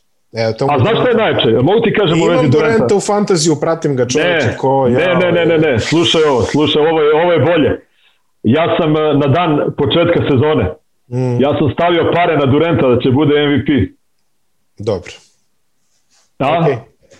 Ne, ne, to, to, mi je, to mi je, vidi, to mi je, to mi je druga najjača opklada posle Srbija i Crna Gora osvajaju zlato na Eurobasketu 2005. Dobro, ok, oba puta si imao koliko toliko logičan rezon, jeli? ali uh, Durant, mislim da se, se svi, da se se i ti kao i svi mi zaneo onom utakmicom koja je prenošena na NBA TV-u kada su igrali prijateljsku protiv Washingtona i kada je Durant izgledao kao da je ono 2012. otprilike i leti. Ma izgledao je dobro i u tim prvim utakmicama sezone protiv Bostona Golden State-a koje je... Izgledao je dobro kako god je izašao na, na parket. Lupao po 30 razlike, ali ne znam, ovaj, čak šta je uopšte povreda, zadnja loža ili list ili šta je? Mislim da je zadnja loža. Ili zadnja loža, da, mislim, da. Aprile, znači stvarno je po meni do kraja sezone, odnosno do play-offa je ostalo nekih e, između 20 i 25 utakmica, kako kome. Tako, tako. Evo, Aldridge bi trebalo da debituje, on je neke sad utakmice propustio kao dok se malo fizički dotera, ovaj, ali stvarno krajnje vreme i za KD-a da se vrati Pa bit će interesantno kad dođe do play-offa, znaš. Mislim, pa, vidi, ali me, činjenica, me kogo će da izgura ta papirna rotacija sa tim Činjenica, da. Činjenica znači da posebno na visokim pozicijama, dakle 4-5, e, da je gužva. Yes. Znači ima, ima Blake Griffin, ima znači Durant koji je čak negde viđen kao small ball petica mm. u nekim varijantama, znači kada da se igra niska postava, što je negde i kao trend, da kažeš, moderni, bez obzira na to što Durant svakako nije baš najpodesniji da brani petice pre svega, Naravno. Ovaj, ali, ali ok, znači imaš Griffina, ima, tu je Lamarcus Aldridge, tu je DeAndre Jordan koji je, da kažemo po nekim fizičkim karakteristikama, uh, mora da dobije svoju ulogu kad igraju protiv Filadelfije i protiv Embida, na primer. Pa imaš ovog Nika Claxtona, koji je, ovo ja mislim, je druga sezona, tek i koji ove sezone neke počeo da ozbiljne minute dobija i koji je taj prototip neke moderne petice koja igra u oba pravca, koja dobro trči, koja preuzima ovaj, u odbrani protivničke bekove. Što je ono što se pokazalo u play-offu recimo da je, da je neophodno. Znači, recimo šta je ključ bio u seriji Majamija i, i, i Lakersa, jedan od ključeva, što je Anthony Davis može da odbrani svakog beka Majamija. Mm. Tako da u ovoj situaciji u recimo ekipi Brooklyna je Nick Claxton jedini koji može da preuzme na piku.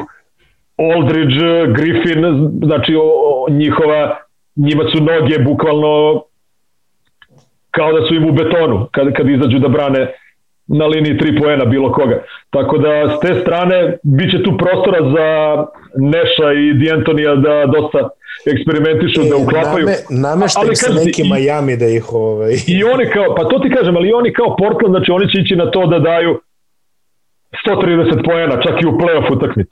Vidjet ćemo da Prosto, to, to je to, mislim. Pa, Vidjet ćemo da sigurno, ne, sigurno neće Brooklyn ići na to da, da dobije utakmicu 102-93, na primjer. Uh, Los Angeles Jer Clippers se... Prosto to je nemoguće. Ono. Da, da. Los Angeles Clippers se, samo da spomenemo, doveli su Ronda i koliko čitamo u pregovorima sa, sa Bugijem Kazansom, što onako navijam da se desi, jer to... Da, ali deset dana, ali samo kao desetodnevni ugovor. Mislim, pa dobro, znači... pazi, desetodnevni po desetodnevni je garantovani, tako da... Pa jako... može, ali... Ah, ne znam, mislim, s obzirom to su, da su Lua Williamsa ovaj, najurili, prosto mi Ne znam, da, znači ko, su Ronda, igra. Da, su Ronda, da. Ronda koja ovako baš slabo trpi karaktere kakve su Paul George i Kawhi Leonard. Znači, da. istorijski Mislim, se pokazalo da to nije baš ovaj... Možda, možda kaže se trenutno, jer, jer i Baka isto već kuburi s nekom ovaj, povredom poslednjih nedelja možda je, možda je Kazes tu čisto eto da ovaj da, da malo puni malo da da. pomogne tu da jer ovaj jer recimo evo da da kažeš tom povredom i Bake je Zubac dobio malo ozbiljniju šansu pa ovaj igra onoliko, onoliko koliko bi po meni trebalo da igra inače. A sa druge strane Kazins pa mislim prosto pokazao je igrao je u Houstonu igrao je u Golden Stateu igrao je znači jednostavno te povrede koje imao su ga, su ga lišile svakog atleticizma i ne vidim kako on može da pomogne nekoj e, ekipi koja ima ambicije da, da, da uradi nešto u play-offu. Mislim, ne znam, ja, ja, ja mu želim sve najbolje stvarno, ali, ovaj, ali ne znam, to je neki potez Clippersa koji je više po meni ovako sračunat na neki marketing i na nešto u fazonu, ajde, svi su probali, ali, ali možda mi izvučemo nešto što oni nisu. Ma, važi, s, bit će toga i, i meni se čini. A, to je otprilike manje više ceo pregled deadline-a, barem onih, ajde da kažemo, bitnijih stvari koje su se desile. Tu se desilo još naravno nekoliko Ra, mislim, ima još nekolicina trejdova, recimo Dallas je doveo JJ Redika i Nikola Melija iz iz New Orleansa, bilo je tu još ovaj, ne, nekoliko transakcija, pa ajde samo kratko. E, znaš šta možemo, znaš šta možemo da pomenemo, izvini, evo, čisto onako malo isto ovaj, da, da malo se nasmejemo. Uh, bila je prošle sezone ili pretprošle čak ona zajebancija kad, je, kad su prava na Tadiju Dragićevića bila deo da, da. nekog trejda. Tada e, je ostao. Jel znaš, e, jel znaš ko je u ovom trejdu Georgia Hilla iz Oklahoma u Filadelfiju? Ne. Čija prava su između ostalog bila opici? Čija? Emira, Emira Prelđića. Emira Prelđića. Niksi su dobili, Niksi su dobili prava na Emira Prelđića. Tako je igra da, Emil Prelđić još uvek ili igra? Ja mislim da ne igra. Ne, da li ne znam, negde otišao bio neku, ili u nekom neki bandirmu neku možda ili tako, ali da. da. bandirma ne, ne postoji više, ali ovaj, Uh, Postoji ban, taj tekst od Bandirma. Bio je Banvit, samo sad, je, da, sad ima neko drugo ime. Se da. nije rasformirala ekipa letos. Nije, nije, nije, ne, nije, samo su ovaj, okay, promenili dobro. A, pomenuli smo Fournier samo ukratko ovaj, i njegov vic, a nemojte da googlate moje prezime ili googlite moje prezime kako već. A, čini mi se da su Horneci su doveli Vona Makera pošto imaju situaciju sa povredom Lamelo Bola i Sacramento je doveo Delona Wrighta iz Detroita poslali su kanadskog privatnika Korija Josefa. Korija Josefa. Da. Uzeo sam ga u fantaziju, već se isplaćuje. Ve, je se isplaćuje? Već se isplaćuje, pa došao kod svog trenera u Casey-a, znači to je odmah 30 minuta, James Johnson je čini se došao u New Orleans, Terence Ferguson, Poirier su došli u New York. Da to, to nisu neke ovaj da kažemo ovaj transakcije kojima ćemo posvetiti previše pažnje moguće da sam još nešto ono promaši u ovom pregledu, ali nema sad ni veze. Ajde samo da se malo pozabavimo. Pa mislim, meni u principu tih svih, kažem, tredova malih, meni je m, mm, nekako mi potencijalno je naj, uh, najviše mogu možda da očekujemo od tog Torija Craiga u Phoenixu. Da, to je Craig je otišao za cash, za taj cash considerations.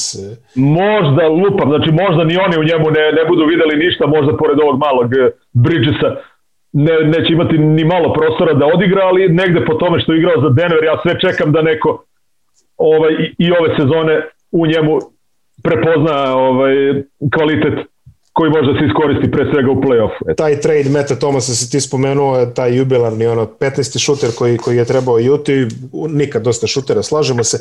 Ali je sad malo samo ovako ovaj opšti pogled ovaj, na tabelu da. i da se pozabavimo o nekim iznenađenjima. Već smo dovoljno pričali o Brooklynu, Filadelfiji, Milwaukee, Majamiju. Mm -hmm. a, možemo da kažemo da su neka ključna iznenađenja na istoku ove sezone Charlotte, a, kome smo u ruku na srce jedinim je u najavi sezone prognozirao nešto lepo. Uh, uh, New York, kome niko ništa nije prognozirao lepo, ali izgleda da su ovi stvarno dobro su odgovorili na, na te metode ovaj, uh, Toma da, da. da. Uh, I možda kao malo negativno iznenađenje Boston, koji se trenutno da. vuklja oko osmog mesta i nije im izvesno uopšte da, mislim, sada su trenutno u play-in poziciji. A, tako da, eto, možemo, možemo po koju reći o njima. Charlotte koji je stvarno izvukao sjajnu sezonu od Lamela Bola koja se nažalost završila pre vremena. Uh, ali... Pa to, mislim, Lamelo, Lamelo Ball, znaš, ono, igrao, Uh, prosto prvo nosi, nosi težinu tog prezimena ovaj, koje, koje u startu pravi neke predrasude uh, i, i, i čini da neki možda ono zaziru o, da. da su odnosno da su za, da su zazirali i imali neke rezerve u oči drafta drugo igrao u Australiji tamo ono znaš Amerikanci njima kad igrač ode kad ga ne gledaju na koleđu nego u nekoj tamo drugoj ligi ne znaju šta da očekuju, to je za njih onda neki potpuno potpuno drugi parametri, oni ne znaju, pogube se odmah, ne znaju kako to da primene, kako da ga projektuju na to šta će da on, šta bi on mogao da igra kad dođe u NBA.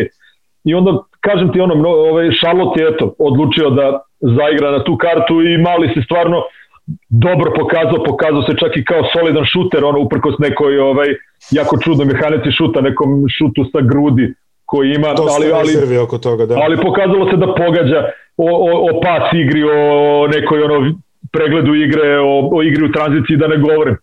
E sad, ovaj, ono što se možda i može očekivati od takvog jednog deteta, to je da mu je telo ovaj, još e, nespremno za najveće napore u kontinuitetu i onda eto tako pukne na, nekom, na nekoj tački random, ono, što je u ovom slučaju njegov bio zglob ruke i odmah kraj sezone. E sad, e, ok, oni imaju tu rezervu u vidu Rozira, Grema, na, znači da pokriju bekovske pozicije, što kažeš ti doveli su Vona Makera da ovaj pokrpi Malo, da. tu playmakersku rotaciju, a na ovim ostalim pozicijama su dosta solidno popunjeni. Znači Gordon Hayward, Gordon Hayward prvi ozbiljan, neki renomiran slobodan agent posle pitaj Boga koliko, ono, da li ikad možda, ne znam, ne znam da li ikad neki slobodan agent od kako su Bobkeci se vratili u Hornece, ovaj, da li su uspeli da dovedu nekog doveli su Batuma, eto, Batum je uspeo da ih ovaj prevari za 100 i nešto miliona na 5 godina,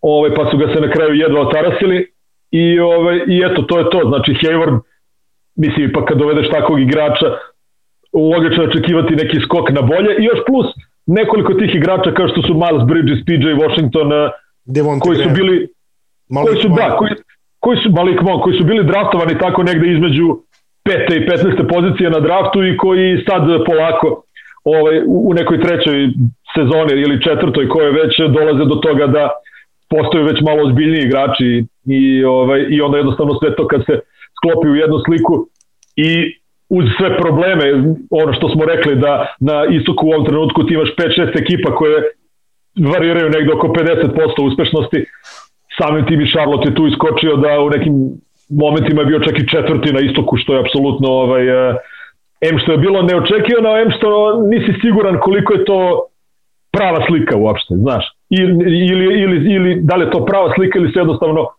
sticam nekih okolnosti i problema nekih drugih timova došlo od toga da je Šarlo četvrti, ali u svakom slučaju oni su, pro, oni su još sa Kembo Walkerom pretprošle sezone bili ekipa koju sam ja vrlo rado gledao. M što igraju utakmice ovo u jedan sat, ono ne igraju ono u gluvo doba noći, pa nekako ovaj, imaš tu su ti pristup, imaš bolju pristupačniji su ti, eto tako da kažem. A druga stvar i, i samim kvalitetom igre mislim da su potpuno uh, prihvatljivi postali, ono da kažem, jeste to i dalje, ono ti gledaš onaj neki onaj Tirkins parket i tako ovaj, dresove čudnih boja, pa ti ona sve to izgleda malo kao nekom crtanom filmu, ali ekipa je vrlo, vrlo dobra. Uh, koga si još pomenuo? da je premašio očekivanja New York, New York, New York ok. Pa dobro, ok, znači očigledno u Juliusu Randlu dobio su igrača All-Star kalibra. Konačno. Konačno. Mislim, konačno za Randla, da. ne konačno i za New York. Jel? Da. Znači, tu je Randall, uh, tu je RJ Barrett koji ide negde kao onome što bi po draft poziciji trebalo da ovaj postane u tom Immanuel Quickly izvukli dobar, su igrača koji dobar igrač, da. Znači, to je kao što svake godine neki igrač tamo i 20 30 i 40 pik eh, ispostavi se da može odmah da, da igra i da, da se uklopi u taj svoj tim, eto to je Quickly je jedan od njih. Imaju, imaju kvalitetne minute ne... Nerlense Noela, što nisam očekivao da će se ikada desiti isto. Ali, da, da, da, ne, ne, pa i njemu je zdravlje bilo u principu ovaj, osnovni, osnovni znak pitanja, znaš, ovaj, znači on, on ako, ako može u kontinuitetu da provodi vreme na parketu što se tiče defanzive, odlično se tu dopunjava sa Rendlom koji ipak ono je posvećen nekim drugim stvarima u igri i, i eto, kažem ti, taj sistem Toma Tibodoa evidentno, znači ti kad pogledaš rezultate utakmica ujutro, ti u, moru nekih utakmica 130, 120, ti vidiš aha, 98, 88 i znaš da su to bili Knicks. Da. Tako da ovaj tu i Derrick Rose, ono, znaš, od, kako, za koga je ti, za koga je ti do emotivno vezan. Da. Emotivnim pupčanom vrpcem, ja mislim. Ko, i, I sve to, ovaj, sve to kao, eto, sve to kad se sabere Alfred Payton iz koga izlače isto ovaj, neki solidan doprinos sa pozicije playmakera, tako da eto, njih si, kažem, na takvom istoku kakav je, da su na zapadu, verovatno to ovaj, bi bilo dosta slabije rangirani, ali na istoku je to očigledno dovoljno za peto, šesto mesto, vidjet ćemo sad šta mogu da naprave u play-offu, ali ok, što, uh, za njih je evidentno, nije čak najvažnije da li će doći do prvog kola polufinala, ko šta. Mislim da je za njih e, najvažnije da povrate neku ozbiljnost, da ponovo postanu respektabilna franšiza i samim tim da postanu neko ko opet može da dovuče atraktivnog slobodnog agenta na leto. Da ne bude da petorica odu, da petorica odu u Bruklina, u Nikse maltene ni jedan. Eto. I na kraju Boston, rekli smo, e, Boston kao da došlo do nekog zamora materijala uh, na liniji Tatum Brown, trener Brad Stevens, gomila nekih igrača koja je draftovana tim nekim pikovima oko 15. 20. 25. što je sam, da li to rekao Ainge ili Brad, mislim da to je Ainge rekao, Tren, jedan trener ne bi sebi to, ovaj, verujem, dozvolio, ali Danny Ainge je baš pre nekoliko dana izjavio da imaju uh, o, veliki broj igrača od kojih nijedan ne otkače. Mm. Znači to su ti Grant Williams, uh, ovaj Carson Edwards, uh, pa ko tu još igra, ovi, Romeo Langford koji nije ni, ni maltene ni dobio šansu. Znači, pa nema uglavnom, Romeo Langford nije se vidio. Tu, tu, e, to ti kažem, znači negde, od šestog igrača pa negde do desetog igrača, to je uglavnom, ovaj, to su neki igrači od kojih nijedan prosto, osim donekle ovaj, Kaleta, gospodara vremena, nije pokazao da može da, ovaj, da bude ozbiljna pomoć eh, Tatumu, Brownu i ovima. Kemba Walker, ja nemam, ne znam, sve od početka sam bio onako rezervisan prema tom uh, potpisu kada je došao kao free agent iz Šarlota, prosto oni su ga doveli kao igrača ono da kažeš visoko karakternog koji je imao neku reputaciju borderline all stara i koji je nosio svoju ekipu tamo sa malog tržišta, par puta je doveo do play-offa i tako dalje. Sad kao očekivalo se da on u Bostonu ode na neki viši nivo, međutim uh, on očigledno ima i problema sa kolenom, uh, njemu je trebalo vremena da se uopšte oporavi od one prošle sezone, pa je propustio početak ove, pa sad znaš, ono, slab je defanzivac, ne znam, prosto, i, i kažem ti, i kažem ti vrlo moguće zamor materijala da postoji između trenera i najboljih igrača, da je tu došlo do nekog e, zasićenja. I ono što je najvažnije, čini se da Boston e, iza te dvojice, trojice ključnih igrača, da objektivno nema ni toliki kvalitet koliki, ovaj, koliki se možda misli da, da ima i koliki je ti, ti kažeš ok, oni su igrali finale istoka pre dve, tri godine još kad su mm. Tatum i Brown bili Tatum i Brown kao ruki ili igrači u drugoj sezoni su dolazili do finala, pa prošle godine jel tako, isto protiv ovaj, uh, Toronto, ali tako, došli do prošle godine finala istoka, pa ih je Miami izbacio. Znači sve to ovaj, njih kao po defaultu čini kandidatima za titulu, ali kad pogledaš uh, roster, ti moraš da priznaš da su Philadelphia, Milwaukee, Brooklyn, uh, pa i Atlanta da su objektivno kvalitetni pa i prosto Miami, da ne govorim. Znači, to, to su sve jači timovi od, od Bostona. Ok, Boston imate zelene dresove, tu, znaš, kad kažeš Boston, to zvuči. Famo to, kad kažeš, to je kao kad kažeš, ovaj, ne znam, Real Madrid, maltene. Ali, ovaj, ali prosto, meni deluje da tu je došlo do, do, do, do jednog osipanja kvaliteta i da trenutno oni ne mogu da izvuku više od uh, ovoga što je, što je trenutno, znači neki nek, to je negde između šestog i osmog mesta na istoku, eto, tako kažem. A, da spomenemo samo, završimo ovaj pregled istoka sa ekipom ovaj, koja još nije shvatila da je sve izgubila, a to je Washington, trude se ljudi svake noći, pratim e, život i priključenje Rasela Westbrooka jer sam ga birao u fantaziju, znao sam da će da pokida i onda kad ima onu operaciju kvadricepsa šta je već i kad je čovek rekao jao ne, vratio se posle nedelju dana jači, luđi, zakucava preko ljudi, ima triple doublove svaku noć, tako da Russellu sve najbolje, moja fantasy sezona traje dok god u Washingtonu, dok god u Washingtonu ne shvate da nije kraj. Da, znači, da, kada, da, da. kada ih udari realnost i, i moj ovaj fantasy kola će krenu niz ledinu, ali dotle svaka im časti sve najbolje. Okrenimo se zapadu samo na, na kratko, ovaj, jer tamo smislu spomenuli smo dosta ekipa, Clippersi, o Lakersi dobro imali su jak početak, onda su imaju sada problema sa povredama, ne trebamo ni previše komentarisati. Šta god sad urade, ono čist čar dok se ne vrate ova dvojica.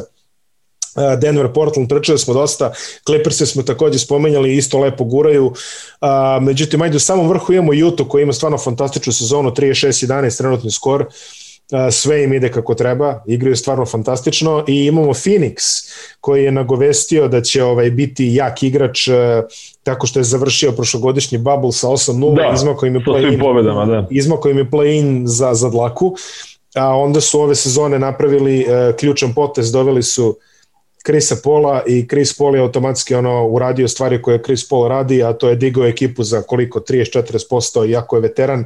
Phoenix je sada u jako lepom položaju, trenutno su drugi na zapadu, sig, skoro su siguran učesnik play-offa, tako dajmo malo UT Phoenix. Uh, pa Utah je nastavila da igra svoju igru prosto. Ovaj, znači jednostavno e, to je to. Rudy Gobert u rupi, četvorica šutera i ovaj, kako se to kaže, ball handlera, ne znam kako bi na srpskom našao, ovaj, koji je na srpskom termin za, znači, za te igrače koji, Može koji kreiraju iz driblinga. Može. Ball handler, et. Znači četvorica igrača koji, koji, koji umeju da spuste loptu na parket i da naprave višak i da podele ekstra pas i da pogode trojku. Znači jedna prosto pobednička formula, ajde da kažeš, na, makar za regularni deo sezone. Znači, Mike Conley koji se vratio u formu, ovaj, odnosno pruža ono što je, što je trebalo i prošle sezone nakon dolaska iz eh, Memfisa, Joe Ingles, eh, Bojan Bogdanović i iznad svih Donovan Mitchell. Dakle, jedna izuzetno kvalitetna, ajde kažeš, šestorka, sedmorka, Royce O'Neal kao igrač koji je tu potreban pre svega za odbranu na tim Čekaj, Lebronima, Kavajima i tako dalje. da mi izbega... Tim igračima, Jordan Clarkson, da, kao jedan od najvećih privatnika današnjice, ovaj, u poslednje vreme malo upao u krizu, ali pokazao da može da, da strpa i 30 i 40. Tako da ovaj, jedan ozbiljan, kri, ne postoji ozbiljan napadački. Jordana Clarksona, samo postoji da. nedovoljno šuteva koje će uzeti. To.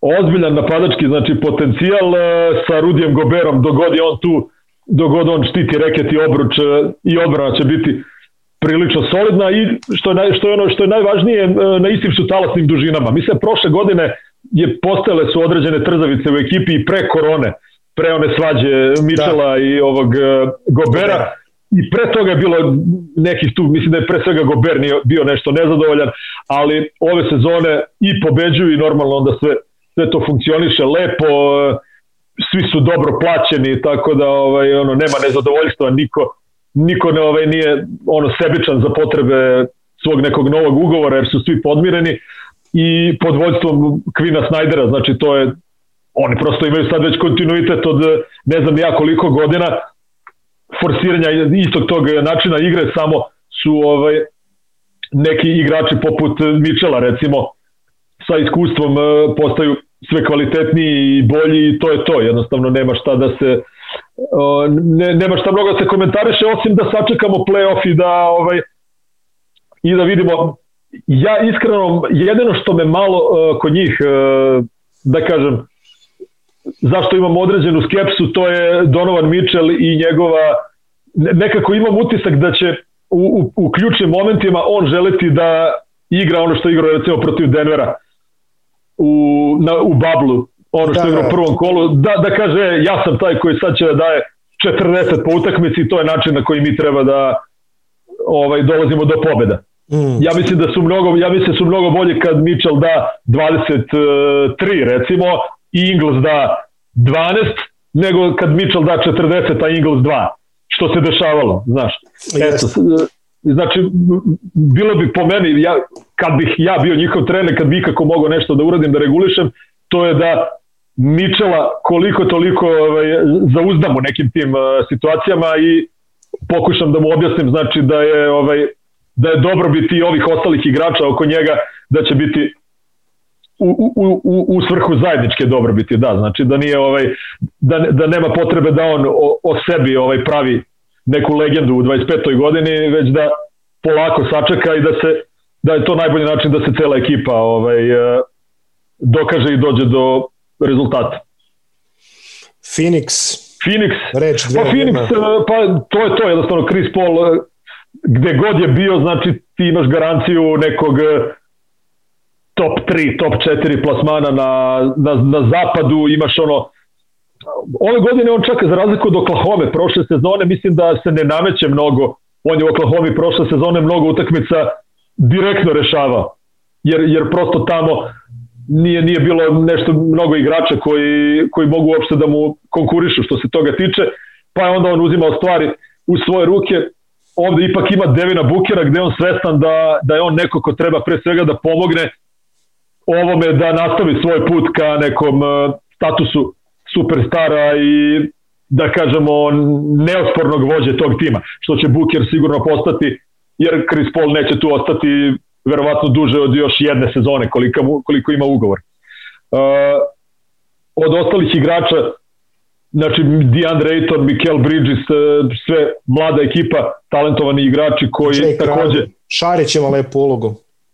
Šarić koji je posle prošle sezone Šarić, ja sam više zaboravio gde on sve bio, ovaj, bila je Minnesota, ali tako, pa Filadelfija. Yes, on je stvarno, po, po odlasku iz, u Filadelfiji on je imao ovaj, kod Breta Brauna zaista, ovaj, uh, Brett Brown ga je zaista cenio i, i pazio na njega.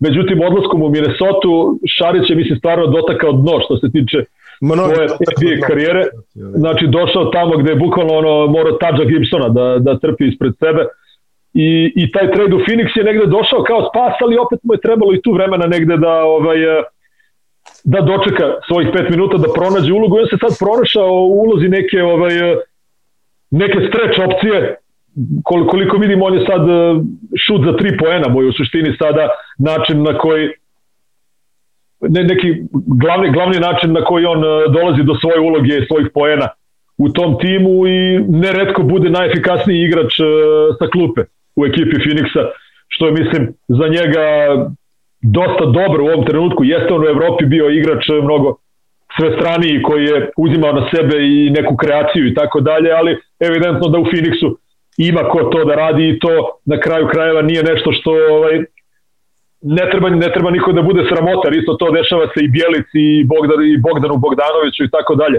Znači sve su to igrači, sve su to igrači koji su u karijeri navikli na značajnije uloge, na više lopte u rukama, na da se jednostavno mnogo više pitaju za igru svog tima, međutim u NBA-u su prosto svedeni na ajde, neću grubo kažem pomoćno osoblje, ali jednostavno tu su, znači ima mnogo igrača pre njih koji su tu da ovaj kose, a oni su ovaj tu jednostavno da pomognu i da, da se uklope da nađu neko svoje mesto u, u široj slici. Vidjet ćemo sad za, za Phoenix, uh, ipak imaju jedno neiskustvo što se tiče play-offa, a zapad je zapad je opasan, uh, zapad je opasan i sa sedmog mesta može da uleti recimo Dallas uh, i da ih nikako iznenađenje ne bi bilo recimo da Dončić i Dallas eliminišu Pola, Bukera i Phoenix. Tako da s te strane Phoenix kažem znači ipak, ipak to playoff neiskustvo može da da bude jedan jedna otežavajuća okolnost u nastavku sezone, za sad to zaista funkcioniše dobro, dobrim delom i zbog toga što su u kompletnom sastavu, ali tako? Znači, to sad što je Phoenix ispred Lakersa, jasno je da ne bi bilo tako da su zdravi Anthony Davis i LeBron James. Tako da nije drugo mesto Phoenixa realnost, to je jednostavno splet okolnosti u ovom trenutku, ali je sezona, dobra ekipa. okolnosti. Dobre, do, kažem, dobra ekipa Phoenix, ali uh, drugo mesto ne mora da bude u, u toj celoj situaciji e, i u odnosu snaga na zapadu. Drugo mesto ne mora uopšte da bude neka velika prednost u odnosu na to što bi bilo recimo četvrte. Da su četvrti i da su drugi, ne vidim da ih to stavlja u neku povoljniju poziciju, tako da kažem. Znači, podjednake su im šanse da i da prođu i da ispadnu, prosto biće jako zanimljivo i neizvestno. Prelazimo samom kraju podcasta, pa ajmo samo po dve rečenice ovako da kažemo par ekipa koje su ovako meni interesantne.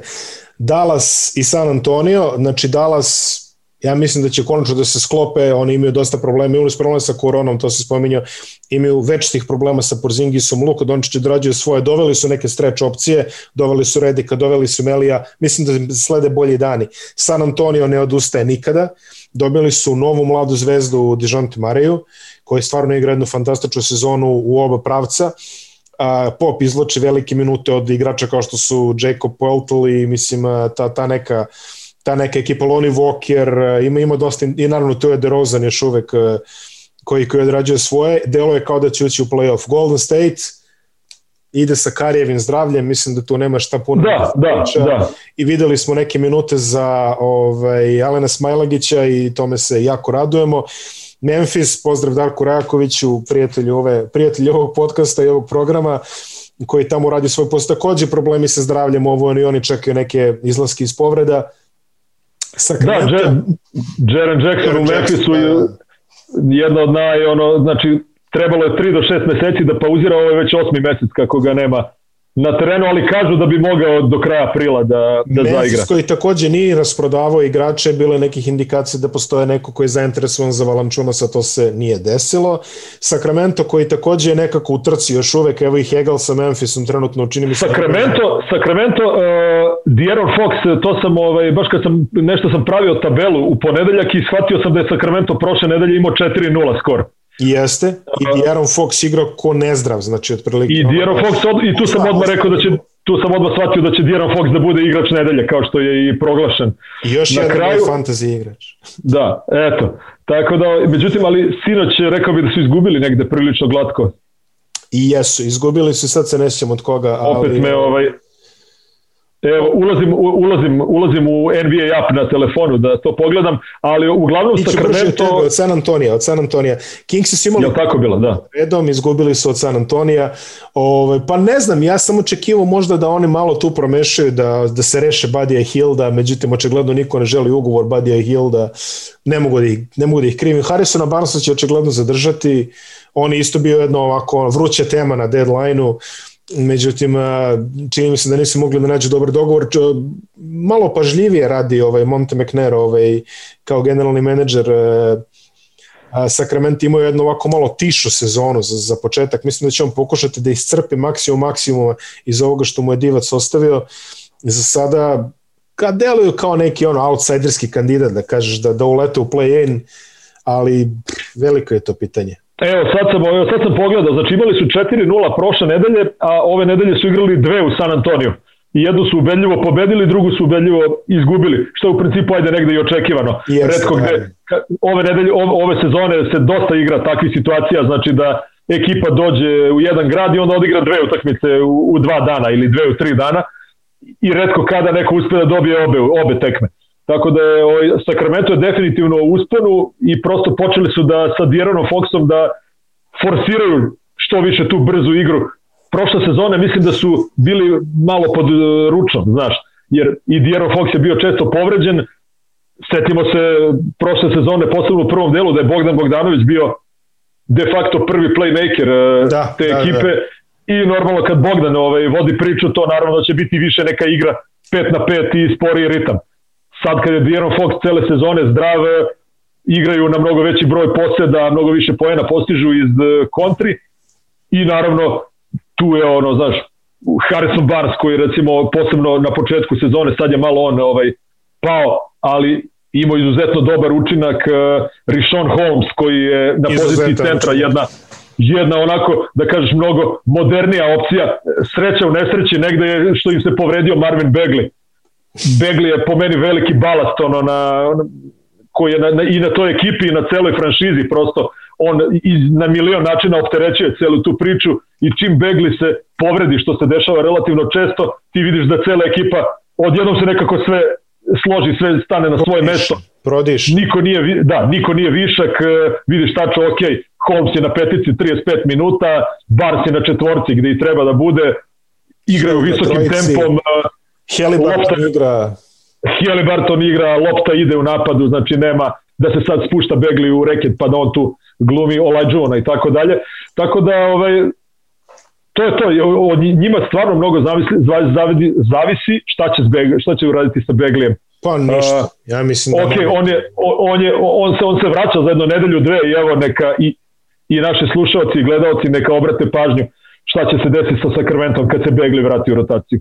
A, pokušali su da ovaj, e, e, pokušali su da, da utupe Begli, čini mi se čak za Sadika Beja, koji ovaj, međutim odbio je, odbio je Detroit, ali a, dosta ovako, to je jasan, jasan dokaz da Sacramento baš i što pre želi da se oslobodi te etikete koje Marvin Begley nosi sa sobom, te neke, da kažemo, loše karme, da se izrazimo tako, vidjet ćemo.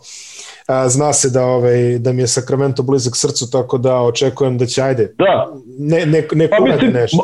Moraju, moraju da preseku prosto, znači ok, propustili su Luku Dončića i sad nema nazad, znaš. Nema, nema znači, nazad, ne, ne. Nema nazad, znači ono, begli, da kažemo, on, u ovom trenutku prosto nije, u ovom trenutku ne može da pruži ni, ni deo nečega čime bi oni sad, čime bi oni mogli da kažu evo vidite ipak mi nismo toliko loše tu da. prošli prosto i, i sam po sebi je igrač znači niti je četvorka niti je petica jako je specifičan posebno s obzirom na, na tokove moderne košarke gde ide cela NBA liga u ovom trenutku tako da prosto što, što pre se raziđu priznajte o čemu se radi i biće bolje, biće bolje za Sacramento a sad gde može Begli da se uklopi u, u verovatno neki tim tipa New York gde ima recimo tre, gde, gde ima trener koji forsira neki malo ovaj e, da kažem staromodni tip, tip koš, način košarke i to verovatno 30 ekipa u ligi ima neka gde on može da bude i kompatibilniji nego što je ovde sa Djeronom Foxom i ostalom ekipu. Potpuno tačno, samo ćemo pomenuti Oklahoma gde Pokuševski dobija neke proširene minute i lepo ih koristi, svaka i njemu čast. Houston, Minnesota, to je već previše tužno za spominjanje. New Orleans koji... E, nemoj tako, nemoj Minnesota. Minnesota, e, mislim da se u Minnesota kuva nešto Dobro, da, brate, to smo rekli svake godine, znači, otprilike. Kažemo, ok, ali, ali sada vidi. E, e ali i, i tamo ima jedan, ono, da kažemo, pod navodnicima, kancer a to je D'Angelo Russell. Ali D'Angelo Russell je braćala sa franšiznim igračem, ne možeš pa tek to tako ti da kažem, da e, to ti kažem, evo, D'Angelo Russell je trenutno povređen i Minnesota je naročito posle All-Star meča u poslednjih tri nedelje počela da kida. Znači, Anthony Edwards, uh, Towns naravno, Brate, mali Jaden, izvini, Jaden McDaniels na poziciji 3 jedan mlad igrač koji mnogo obećava. Još plejada mladih igrača, taj, recimo Noel na poziciji koji šutera, se, koji, koji, dobro, Bizli, 20 okay. poena, 20 40% šutira trojka e, čovek. Ali sad ćeš da vidiš kad se vrati Russell i kad cela ta koncepcija padne u vodu i kad se opet sve svede na Russella i Townsa i, i opet će krenu dole to, to, to ti je to prokletstvo, ono, kad eto, dovedeš tako nekoga... Ovaj, ne stižem ni da kažem ovaj, kako je mali... Kad dovedeš igrača na maksimalnom ugovoru... Procetao čovek. On, pa, Dobro. Ovaj... Zna, znaš i sam u kom bi smeru poveo ovu diskusiju sa Malikom Bislim, ali nema veze, ajde preskočit ćemo to ovaj put, ovaj, da ne uđemo baš u TMZ sekciju. Da, da, ali, da. A, za kraj, samo dve stvari ćemo da kažemo. Prva, Lakersi su po meni i dalje apsolutni favorita kada se vrate ova dvojica. Da, da se razumemo. Ja mislim da je pa, to... Dobro Ja mislim, to, to, to, dok se ne dokaže drugačije... Naravno, da. A stvar koja... Mada, mada, mada, mada, mada vidi, uh, a kompletan Brooklyn i kompletni Lakersi u finalu, ako dođe do toga, evo ja tipujem na Brooklyn. Ok. Ok. Može. Ne, ne, neko, neko ostane upisano. Ma, neko na, ostane, ovaj... pa svašta se gluplji ovde reklo ovaj. A, da. Kako da ne vidim zašto... Ali, ali naravno, da, mislim, ok, Lebron je Lebron, Davis je Davis, nema Lebron šta. Je Lebron, Davis ovaj, je Davis. A poslednja stvar koju ćemo... Glumac je glumac. Je stvar koju sam sačuvao za sam kraj, a to je MVP trka koja po meni nije trka. Dajte MVP Nikoli Jokiću. Da, evo Harden je digo dva prsta pre neki dan, ovaj, rekao, je, rekao ja sam MVP. ne, ne, zaista. Ja, ja, pazi, od kako je, e, dok je Embiid e, gurao u istom nivou, gurali su Embida, znači svim sredstvima. Sad Embiid se povredio i ispo iz te trke. Sada, kad pravi one paralele, znaš ono kao pogledajte kao nikad tesnija MVP trka, kako nikad tesnija čoveče, Jokić ispred njega u skoro svim segmentima, da, ajde, da. kao nikad tesnija MVP trka. Tako da ne, nek bude tesnija jasno u njihovom, u njihovom pogledu. Ali Jokić, vratit ćemo se na podcast koji sam spomenuo ranije, to je podcast mojih prijatelja iz, iz Nageca Srbija, kojima sam gostovao na kraju prošle NBA sezone, znači tokom NBA off-seasona. Kad sam rekao, svi mi znamo šta Jokić zna i ume. Ali, ajde ovako, znači, ono što hoće da vidimo od Jokića tokom cele sezone, ono što smo od Jokića tokom play-offa, znači utanji na spektaklu, a pojačaj na uništavanju tuđih odbrana pod košem. Da, Bavi da. se ono uh, meso krompir što bi rekli amerikanci, lebi puter, opet što bi rekli amerikanci, nemamo neku pametnu izreku za to, ali radi se ono što ti opisu radnog mesta.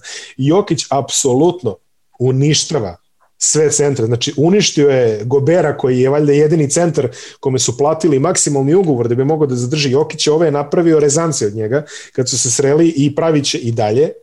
Jednostavno, nemaju pametne opcije da se čuvaju Nikola Jokića, a brojke koje oni, koje on ima u ovom momentu su potpuno MVP brojke. Čovjek je samo ono, kao njegovi ovaj, eh, kao njegova omiljena životinja Jokić je stavio onako ono ovaj klapne ovako samo vidi to što treba da da da da, da. Se, i dalje ima respektabilne brojeve asistencije i ja mislim da ga u ligi a na stranu u klubu, u klubu svi znaju ko je, ali u ligi ga čini mi se sada onako mnogo više zaziru od njega i mnogo više, znači nije sad ono... Jeste, jeste, iz, mnogo je cenjen, tako je. A nije naš ono kao, a Jokić, atrakcija, Joker, vic, komedija, nego aj sad bešte ljudi i stiže Jokić.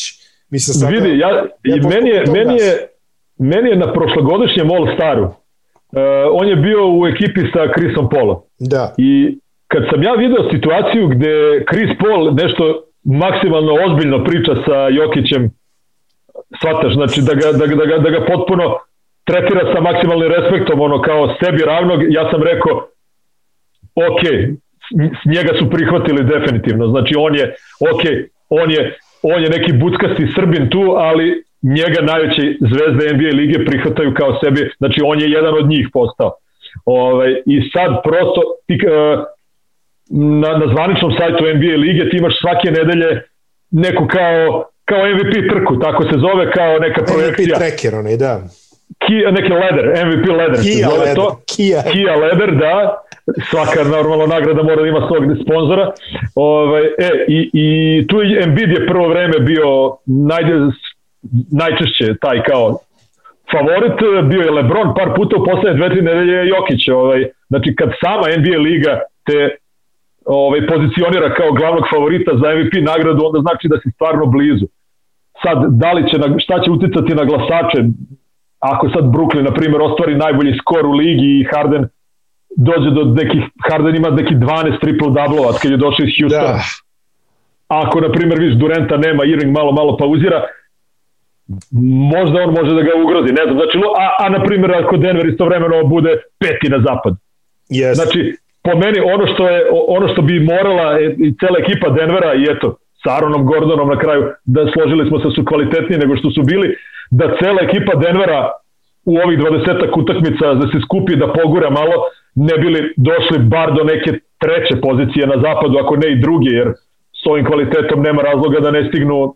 Nisam gledao raspored ne, ne mogu to sad da kažem kako i šta, ali ovaj, ako je Phoenix došao do drugog mesta, ja mislim da nema razloga da Denver da, da mislimo da Denver ne može da da gas i da on dođe negde bar do dvojke na zapadu i u tom slučaju Jokić vrlo blizu MVP-a. I samo za kraj da vidimo splitove, znači pogledaj, e, uporedit ćemo sezonu 19-20, stvari u svakoj sezoni do ove Jokić imao problem sa tim sporim paljenjem, da se tako kažeš. Da, sada da, da, da, da, da. Znači, sada yes. nije bilo sporog paljenja. Uh, procenat šuta uh, koji je bio u regularnoj sezoni, evo gledat ćemo poslednje recimo tri. 50, 50, 52, 50, 50, 52, 57. Znači u, u korist ovo, ovo posljednja brojka je posljednja sezona. Broj mm. uzetih šuteva u regularnoj sezoni 11, 13, 15, 14, 18 i Znači agresivnost je tu. Čak procenat za trojku mu je izuzetan, 42,5. Prošle, prošle godine u regularnoj sezoni imao tipa 32, u play-offu imao 43 skoro. Ali ovo su neke bukvalno play-off brojke. Procenat bacanja mu je nikad bolji, 86,7. A, skokovi su odlični, 11,1 imao je tipa nikad nije imao 11, nešto u regularnoj sezoni, uvijek imao 10. Znači čovjek igra pun gas, realno dajte mu taj, znači 8,5 asistencija, 8,5 asistencija u regularnoj sezoni, maksimum što on imao je tipa nešto 7, zarez nešto. I to uprkos tome što čovjek se fokusira da poentira, poentira, poentira, poentira. Znači, uh, dajte mu MVP, kraj. Ne, ne šta da kažem. To je sve. I mislim da je ovako, ovaj, da ovim rečima ovaj, možemo da završimo, nećemo ulaziti u prognoze, a, to ćemo se baviti za mesec i po dva kada već dođe odnosno skoro do play-offa, Tako da, Bogune, hvala ti na izdvojenom vremenu, a izdvojenog vremena je ohoho, ali narod je tražio NBA, narodu smo dali NBA, tako da ovaj, vidimo se nekom drugom prilikom i kao hvala ti još jednom na, na izdvojenom vremenu na gostovanju. Hvala što si me ugostio. Vidimo se. Veliki pozdrav i tebi i gledalcima. Ćao.